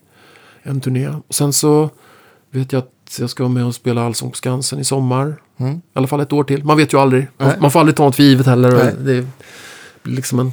Men... Eh, eh, vilket är, är jättekul. Ja, det är grymt. Så ska stå bredvid ett Charlotte. Jäkla, jäkla drag. Ja, ja men det, det, det, det är faktiskt ett väldigt, väldigt roligt jobb att göra. Ehm, även om det, det är klart att, att nu var det ett tag sedan man hade en sommar ledig. Eller så det, det blir ju lite... Upphackat. Ja, lite upphackat. Men man, så är det ju. Ja. Dagens ilandsproblem. Hur många, ja, nej, men hur många musiker kan ha en massa sammanhängande semester och känna att det är semester? Det är ju, jag menar, det är ju en attitydsmässig enorm skillnad på att vara arbetslös mot att ha semester. I alla fall för mig. Ja, mig med. Det är Verkligen. Det- för roligt att gå till jobbet helt enkelt. Ja, det Ja. också. Ja, det är nog det också. Ja, men då har du ju då är du verkligen häcken full här. Ja, men ja, just nu inte så. Men det är... Det är Plockepinn. plockepinn. Ja, vet. Men slår man sig inte av det att, att man hör folk klaga över att bara hur de längtar efter semestertiden och jag känner inte det. Jag känner mig så lyckligt lottad att jag tycker det är så fruktansvärt roligt att gå hit. Och, um, och prata med er eller, eller Ja, eh, fixa gitarrer eller sälja vad, eller vad man nu gör. Liksom. Och men det är andra sidan på myntet. För att å, å ena sidan såklart att vi som små egna företagare är vi ju. Och att vi lever i en ständig ovisshet, en ständig otrygghet, ekonomiskt inte minst. Alltså sådär. Så, så kompenseras ju någonstans det av att vi älskar att spela och att det skulle vara fruktansvärt att inte göra det. Ja. Eh, tror jag. Det, det är ändå så. Men det finns ju tillfällen när man undrar vad fasen man, ja, herregud. varför valde man det här? Men Men sådär. de bra grejerna väger upp det liksom. Ja, de, de gör det till syvende och sist. Och jag vet att då när jag, jag berättade förut, jag började jobba på Östgötateatern. Då vet jag att eh, han som spelade trummor och slagverk där då, eh, en farbror som tyvärr inte lever längre, men eh, Göran Svartling kallas för Pliggen, som var trummis i det bandet. Han, han såg hur jag stretade, hur jag försökte läsa ut vad som stod i noterna, hur jag försökte lära mig. Och, jag var ju liksom 18-19 år och han, han var en tapp över 50 och han, han sa så att, ja, ser hur, hur du kämpar, det är skitsvårt att lära sig det här yrket, det är verkligen det, men du ska veta att det är väldigt mycket svårare att sluta.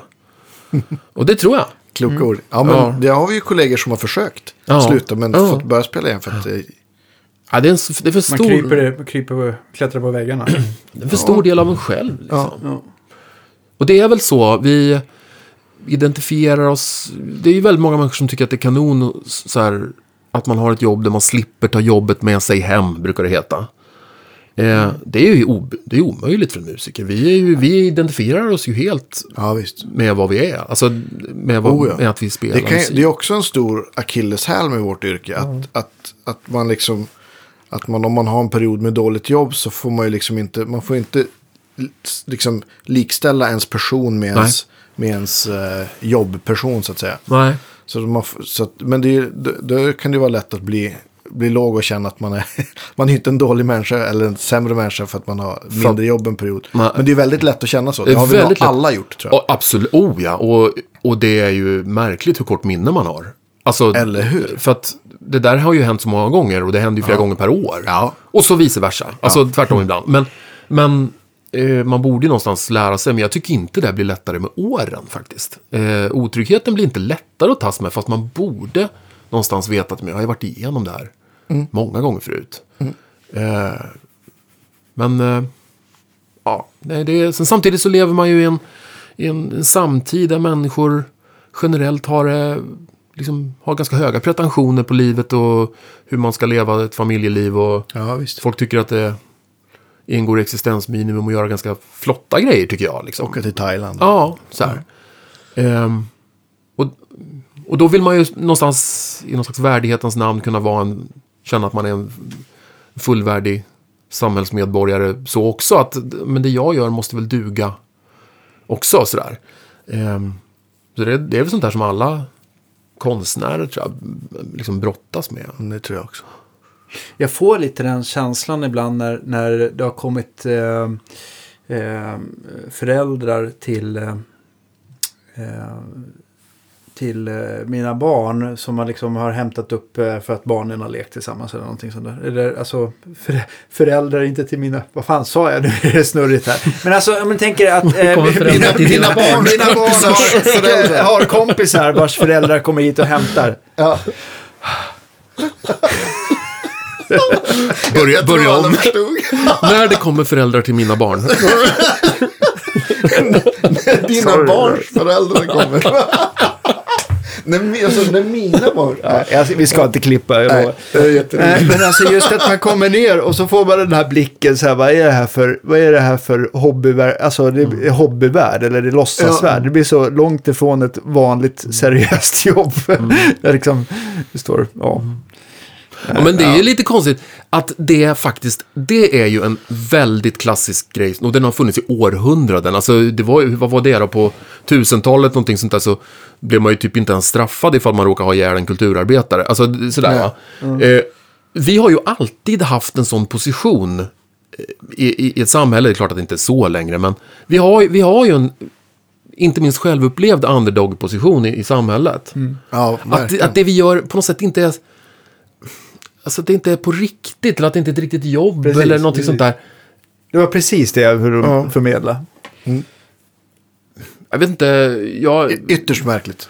Ja, det, är- det, man är så grymt på gränsen att bli politisk här och slänga iväg. Men det är klart att... Men det, är- det, är- det är säkert eh, en, en, en del avundsjuka i det. ja, det tror jag. någonstans. Oh ja. Det tror jag. Det kan vi fastställa. Och det händer ju att man blir motvalls också när folk säger vad kul det måste vara att kunna leva på sin hobby. Och då blir man ju, kan man ju... Ta illa upp sådär. Ja, men det, det, det har väl hänt att man har känt så här, men fan du, det här är, det här är ingen jävla, inget jävla, liksom, lajbansläger, liksom. Det, här, det här är blodigt, det här, det här, är, på, det här är på allvar, liksom. Ja. Men, och det är ju, fast det är ju lajbans också. Ja. Fast det är ju väl inte, det är väl inte olagligt att trivas på jobbet. Nej. Alla andra människor gratulerar vi ju till det. Jag, jag Även om zonade de är ur här. få. Mm. I höstas så fick jag den, den, den frågan. Som också, ja, så här, ja, men som alla som håller på med musik. Ja, eh, jobbar du 100% med musik Andreas? Nej, för fan alltså. 150-200% minst. Alltså. ja. Aldrig under 150% alltså. Vet Precis. du, jag jobbar jämt. Ja. Och shit vad tyst han blev. Ja, men Vi precis. satt på någon sån middag med, alltså, så här. Ja, men, ja. Men där, ja, precis. Det där känslan får man ju nästan så här när släktingen ska fråga hur det går. Liksom. Ja, Ja. Ja, jag- jag stannar där. jag tyckte det var ett roligt svar. Ja, jo. ja. Mycket bra svar. Ska jag ta. ja det var ett mycket bra svar, det ska vi ta. Ja. Det var det och eh, det var det som fäste på bäst tillsammans med, eh, eh, vad sa du, Knutbytrummor va? ja, det är grymt. Ja. jag, eh, jag fick väl en, ja men det, man får ju bita sig i tungan för det går ju inte att säga liksom vad man tänker så här. Då framstår man ju bara som en asshole. I somras fick jag, fick jag höra den klassiska, ja men som du säger, ja vi var, ja ute och spelade så, ja. Ja, det är ju tur du Andreas som får ha kul på jobbet. ja, just det. Precis.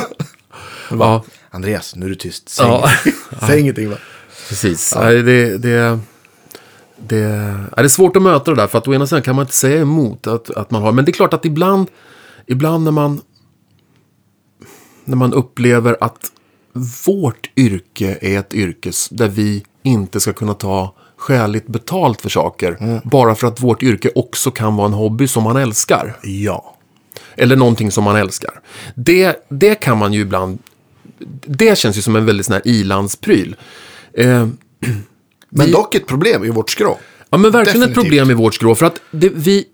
vi eh, nu, kommer, ja, nu kommer säkert många tycka illa om mig, men det är ju inte... Det är inte så att vi tycker att... Alltså, det, vad ska jag säga så här? Det är inte ovanligt att människor till exempel tycker om barn.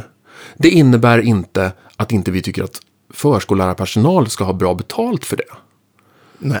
Eh, alltså det, ba, vi, vi, vi kan väl få tycka om det vi gör och ändå få ha en, en dräglig situation. Därför att det vi gör är ju någonting som faktiskt, och det har jag hört till exempel eh, människor som jobbar med eh, så här, neuro, någon neurokirurg pratade om hur, hur otroligt avancerat det är för den mänskliga hjärnan att, att musicera. Det är något av det svåraste vi kan, man kan göra. Liksom. Att, att, eh, i, att trakt, motoriskt traktera ett instrument samtidigt som man lägger en eh, känslomässig bild, del i det. Jag trodde du sa så, samtidigt som man ska sjunga. Samtidigt Ja, det ska man också ibland göra och komma ihåg texten. Nej, men också och att man ska, man ska vara motorisk, man ska kunna eh, man ska kunna kanske läsa en dirigent samtidigt som man ska läsa en notbild, samtidigt som man ska eh, förhålla sig till, eh, till eh, hörselintryck. Alltså det, det vi gör är, är ju faktiskt, vi måste, kunna, vi måste kunna ge oss själva att det vi gör är någonting som är ganska svårt också. Är ganska fint. Eh, det försöker jag i alla fall peppa mig själv med ibland. Ja, jättebra. Men vi kommer alltid brottas med det här problemet att det är folk som, som ändå, tack och lov, har det som hobby. Men också Mm. kan tänka sig att inte tjäna pengar på det som gör att det, alltså, att det, vi kommer nog alltid få brottas med de Ja, här det problemen. kommer vi att- alltid få, Att, ja. eh, Ja. få ta betalt. Så det är Ja. väl, det är väl, våra, det är väl lite... Precis, och det är väl kanske inget konstigt med det när man Nej. tänker på det. Det är så. Ehm, Men, och det, eh, och det vore ju förfärlig, det vore förfärligt om det Men- inte skulle men- finnas människor som musicerar för att de tyckte det var roligt. Alltså det, Men, det är, men i alla fall, vi kan väl i alla fall säga att det är en balansgång där. Man, man känner, i alla fall känner jag så, att man vill liksom, man vill, man vill eh, sätta en prislapp på utfört arbete så att det känns bra för alla parter någonstans. Och just att man tycker att man får, man får lön för mödan, men man vill inte sätta några ockerpriser heller, utan det ska liksom, det ska, man liksom, ex, ekvationen Nej, ska... precis, och det blir liksom, precis på samma sätt som då vi pratade om, så här, ja, men, om, om gitarrljud och, och, och mix och reverb och mellanregister och allting. Allt, det, blir, det är också så olika vad det är för kontext. Liksom. Om, man, om man spelar på en, en pub i Gamla stan så vet man ju att man inte kan skicka en faktura med, liksom, med många nollor på. med många nollor på, såklart. Liksom. Och det, det är inget, det är Det beror bara... på, det- på, på vilken sida nollorna står av. Exakt. exakt. Nej men, men så, för det är också en sån här grej som folk, när man pratar om vårt yrke, som kan vara diffust för folk. Som säger, ja men, eh, ja, men att, att, det, att det kan vara så olika. Just själva liksom, att slanten kan vara så olika beroende på vad man gör. Det, det, det känns ju, för en, en, en snickare så är det väl kanske han ger rabatt till sin kompis. Men, men om han bygger en, en toa på Volvo eller i, i, i Tobbes garage så kanske det, så kostar det, det kostar vad en toa kostar ändå. Liksom. För så har, är det ju inte för oss. Nej, så är det inte för oss. Det, är- det är också en, om man jämför sådana enkla branscher, för vi är ju, om, om man jämför med en, en ensamföretagare, en snickare eller en rörmokare som, så borde det gå att jämföra. Det, en stor skillnad är att de ofta ger offerter. Eller sant. alltid gör det. Ja.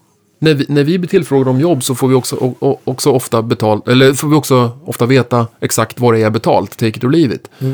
Eh, det är en ganska stor skillnad. Eh, och vad det beror på vet inte jag. Eh, För att om du tackar nej så finns det sju andra som tackar ja. Ja, man det tycker inte det borde det? ju finnas. Ja, fast så borde ja. det vara med dem också. Men, Ja. eh, men eh, Jag tänker också sådär, det är en liten annorlunda bransch över att, att uh, rörmokaren, det är väl ingen, eh, det är väl ingen eh, person man ringer allt för ofta heller förhoppningsvis. Jag tänkte så här, jag tänkte bara just för mig att man vill gärna, jag vill gärna hitta en relation med kunden, att man liksom har, alltså att man får en återkommande kund som vill ha sina gitarrer servade, att man verkligen gör, man verkligen försöker eh, in i det sista att, att det ska eh, bli bra på alla sätt och vis. Men liksom har man en vattenläcka, det enda man tänker på det är att man liksom vill att det ska bli riktigt gjort, det får kosta vad det vill och sen så, sen så får man förhoppningsvis inte se den där rörmokaren på ett bra ja, det. eller, eller tänker jag fel? Nej, det ligger något i det. Men jag tänker, att, jag tänker att det finns saker i... Apropå jämförelsen så finns det saker som skiljer vår bransch väldigt mycket. Därför att vi har, vi har också en, en social faktor i vår bransch. En timingfaktor som är, som är helt avgörande för hur vi ska kunna fungera. Alltså om, om vi jämför två vanliga frilansjobb. Om en, om en rörmokare kommer hem till dig eller om en bilmekaniker tittar under huven på din bil. Ja. Då kan ju de i värsta fall, men de kan säga fy fan, de här gamla jävla, åh vilket, vilken, den här växellådan är, det är den sämsta som Volvo har byggt, det här skiten måste vi, det här, alltså så, Ja. så kan man säga. Ja. Men om, om en låtskrivare skickar hem en bakgrund till, till någon av oss och vi ska lägga gitarrer på det, då skulle inte vi kunna säga, åh fy fan vilken jävla skitlåt. Alltså jag, jag, kommer, be, jag, kommer behöva, jag kommer behöva dubba upp så mycket gitarrer på det här för att få någon fason på det här. Vi kan liksom inte förhålla oss till våra arbetsgivare på det sättet som de kan. Och de har alltid giggen kvar. Det skulle vi ju aldrig ha i så Nej. fall. Så i vår bransch, det, det, det, vi, vi, vi är också piskade till en välvilja som jag tror att vi tycker om. För vi är ju, för vi, jag vet i alla fall inte någon annan bransch där, där man bara har bra arbetskamrater. Så är det i musikbranschen. Jag, har, jag, kan inte, jag kan inte ens komma på någon som jag musicerar med mycket som jag inte tycker om. Alltså jag... De blir utfasade väldigt Ja, eller hur? fort. Det, så vi lever ju i den absolut essensen av marknadsekonomi. Det är ju vår bransch liksom. Det är faktiskt sant. Ehm, vi, och det, det, har sina, det har sitt pris, men, men det är ju det är en fantastisk bransch på det sättet att det är ju bara sköna människor. Varenda gig när det sätts ihop band så är det ju bara bra människor. All, Ja, ja, visst. jag tycker Ja, alltid det- det, faktiskt. Det, och det är ju en, det är en jäkla ynnest. Om man jämför med många andra man känner som jobbar på andra jobb där man har Ja, men den där underchefen har inte pratat med den där personen på tre år. Och, alltså det är alltid sådana där konflikter. Det skulle aldrig kunna hända i vår bransch. Nej. Ehm, så det, det, det finns några sidor av det där myntet faktiskt. Oh ja. Du har liksom en väldigt fin sanning tycker jag. Ja. Ja, det... Jag blir tyst bara för att... Så får du kontrollera här. En ängel gick genom rummet. Heter det. Ja, fasriktig. Vad har vi glömt? Säkert en massa saker. Ja, jag tänker också eh, rent tidsmässigt eh, vad är, vad, om jag har öppnat eller ej. För att jag vet att det... Snart öppnar vi. Ja, precis. Så att jag måste börja avrunda av den anledningen att jag väntar eh, customers. Va? Jo, du, du har öppnat. Jag har öppnat, ja, jag misstänkte det. Nej, men eh, stort tack. Eh, eh, Ja, stort tack för att jag fick komma hit igen. Det var ju Ja, men- superkul alltså. Gud vad roligt. As, askul. Och sådana här riktiga, riktiga bra snack också. Ja. Om, om allting. Eh, Ja, det blev, ja, jag vet inte, vi nördade ner oss på några grejer i, i alla fall. Vi Ja. hamnade på några. Ackgitarrer har vi inte pratat mycket om. Nej, men det får vi ta fort. Men det... Snabb- absolut, absolut, ja absolut, absolut. Kunder får vänta. Det är bara så. Jag ska, nej, de står, no, det var lugnt. Jag tror att de skulle komma med. Då håller på att banda om en Les Ja, Paul ja, men då har vi fyra minuter Akigura här. Ja, men eh, ja. Har du fått till det med Acke-gitarr eh, eh, inspelningsmässigt eller livemässigt? Ja, jag tycker att jag har fått till det. Eh, på sista tiden så har jag en liten bra palett av olika. Inspelningsmässigt så har jag en sleva, sleva, dränga, dränga gitarr. Då har jag en jättebra eh, Guild, vad heter den då? F50. Alltså stora jumbon. Som i och för sig kan bli väldigt lågbasig. Man får, man får bottenskära den mycket. Liksom. Fast det blir väldigt fin. Den tycker jag jättemycket om. Den är ganska hård. Så här, den är som en J200 fast. Ja, just det. ehm, fast Guilds är ju då med välvd botten. Ja, så den kanske lägger sig ganska skönt också. Ja, den är, jag, jag älskar den gitarren. Den är, den är toppen. Men Eh, inte, inte på välbotten så som, som en nej, Ovation-gitarr. Utan, nej ja. inte så. Utan den, den bara, bara liksom en rundning sådär. Okej, ja. Eh, så den, och den blir väldigt, den är nästan som en flygel, så den är som ebenholtsbräda, den är rätt, så här, inte, inte så högljudd, decibel-högljudd är den inte, det är inte J200 heller, men den är, den är, den är väldigt liksom fin och sjungig sådär, man ska spela in ackordmattor och så. Eh, även live så har jag ett eh, Bags Anthem-system i den. Och så har jag en, eh, en Guild, en, en triple noll konsertmodell som är lite mindre, man kan picka på liksom. Och en eh, Simon Patrick Dreadnought har jag kvar, som jag haft i många år. En kanadensisk gitarr. Just det. Eh, som var lite rolig. Det var någon liten, någon liten konstig bracing, någon slags V. Eh, hur den är, alltså i botten så är den, eller bracing, nej, eller vad ska man säga, bakstycket är liksom gjort av som tre, eh, tre Träbitar. Bitar. träbitar. Ja, precis. Så brukar Martin tre- 35-serien vara ungefär det. sådär. Så att, eh, tredelat bakstycke. Ja, tredelat bakstycke, precis. Ja. Eh, den, så de tre, och så har jag, har jag då Antbags Anthem-system i dem. Jag är inte så bra på det där med... eh, Får nog ni tipsa bättre på eh, mixsystem för rackgitarr, vad man, vad man ska ha som är... Allt är skit. Ja, det är svårt. Nej, det, ja, det, skojar det är bara. inte Men, det, svårt, är- alltså. men, det, men, men jag kan säga att alla system och ehm, ehm, som jag har provat hittills, det är inte någonting så här som jag verkligen tycker, nu låter det som en väldigt bra Nej. akustisk gitarr framför mig, men eh, de har ju alla sina för och nackdelar. Mm. Men eh, jag tror att om man liksom lägger det åt sidan och bara ska ha ett fungerande ljud live så, så har vi den här kombinationen av två stycken olika mikrofoner Mm. eh, en magnetmick eh, tillsammans med en, en, eh, en kontaktmick eller piezomick där man försöker få fram de olika frekvens, bra frekvenserna från Mm. vardera mixsystem vart det bästa lösningen. Mm. Ja, tror jag också. I, en, i, en, I en bra preamp där man kan liksom skulptera fram. Ja, just det. Hur, Så- my, hur mycket du, eller med vad mycket du när, Acke? när, vi, när jag spelar in eh, i studion Ja. sådär. Eh, men då brukar jag ha... Då brukar jag nog... Eh, en gång i världen så... Jag tror det var studioteknikern Bosse Reimer som lärde mig alltså så här, snett in tolfte band eh, med typ en KM84. Mm. Något sånt. Jag har en Milab-mick hemma som jag tycker funkar bra till det. Mm. Eh, också. Ehm, men jag har också ibland, eh, om det, om det ska vara lite... Eh, om, det ska, om det ska låta lite mer veteransa så kan det ju också vara fint och faktiskt med den här Shiny Box bandmicken. Ja, visst. Mycket hackgitarr, även om det lätt kan bli lite brusigt då. För den, då får man ju gaina det mycket hårdare sådär. Mm. Men då blir det lite rund, avrundat sådär. Den får man ju bottenskära ganska hårt Mm. förstås. Men, eh, eh, men lite så. Sen kan det vara kul att experimentera med. Det var ett tag när jag i alla fall jobbade väldigt mycket åt, åt många låtskrivare och man liksom gjorde de här ak- stora akgitarrpaketen och även, även till, till, till liksom plattor så där när man alltid gjorde de här standard mm. vänster, höger, high string i mitten när så här många dubbar. Och då, då var det ju väldigt mycket så här micka, tolfte band, snett, eh, snett in. Bara för att man skulle kunna få exakt samma sound massor med gånger och, och, och dubba. Eh, men nu tycker jag att det oftare och oftare är att man vill att det ska låta, att man vill ha en mer liksom solitär gitarr och att den ska kanske låta lite mer, man har andra referenser, men ska låta som på Crosby, Stills, Nash Young eller det ska låta som 70, liksom mer, Ja, det. mer karaktär. Ja. Och då kan det vara roligare att testa att micka snett bakifrån en liten bit bort med en, en rörmick eller, Mm. eller någonting. Eller alltså på något annat sätt hitta.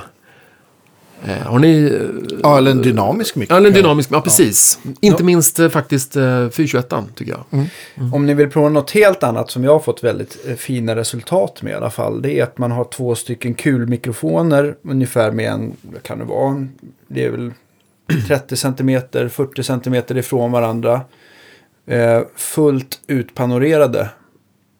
Typ en line, line audio om man bara vill inte eh, kö, liksom, eh, vet det, Eh, om man inte vill liksom eh, spendera allt för mycket pengar. De ligger väl kanske på en under 1500 spänn styck i alla fall. Men de är väldigt naturliga i alla fall. Och sätta dem på en med samma avstånd till gitarren. Att du sitter typ en och en halv meter ifrån och så har du dem framför. Kan bli fantastiska. Ja. Det låter, om, om rummet låter bra. Eftersom kulmickar är rundstrålande. Och om du har en gitarr som, som inte du känner att du måste det första göra att du måste börja skära i dem. Eh, så kan du få fantastiska resultat tycker jag.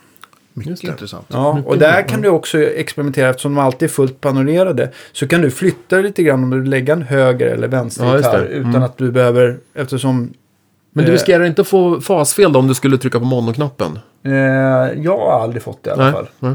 Men, Ja, och sen så på blir det, det är alltså två avstånd. kulmikrofoner. Du får ju lite så här äh, fasproblem. Men det är inte... Det, eh, nej, jag tycker det kan bli ascoolt. Mm. Alltså. Ja, fint. Mycket, mycket bra.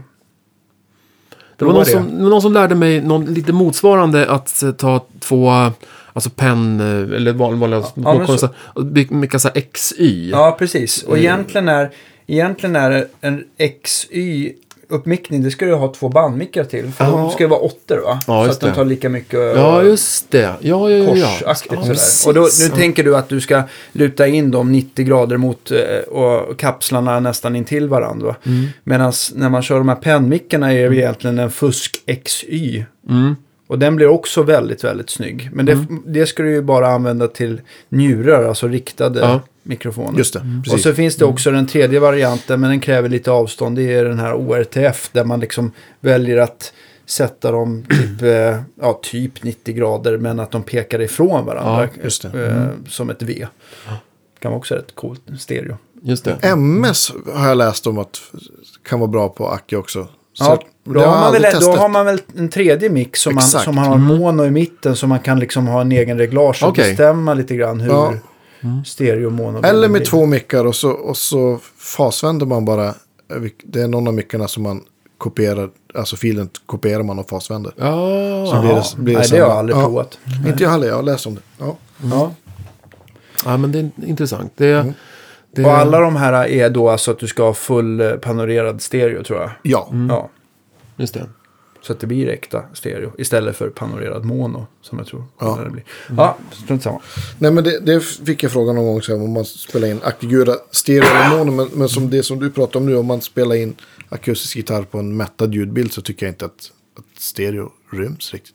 Eller att det behövs. Nej, då, blir det ju, då, blir, då får ju stereon i sådana fall bli mellan dubbarna så att säga. Alltså att, det, att det är så man får sprida dem då. Ehm, men det är ju... Det är nästan som att man använder det som olika instrument då. För att eh, gör man en som man, jag har spelat på massor med dansbandsgrejer och sånt där genom åren. Och då, då är det det med som en sån här... Det ingår liksom i tjänstesoundet. Så här. Det, här ska, Ja. det ska alltid finnas ett sånt sound i det Ja. också. Då, då gör man på något sätt Det är alltid på samma nästan sätt. tamburinfunktion. på Ja, det. exakt. Precis så.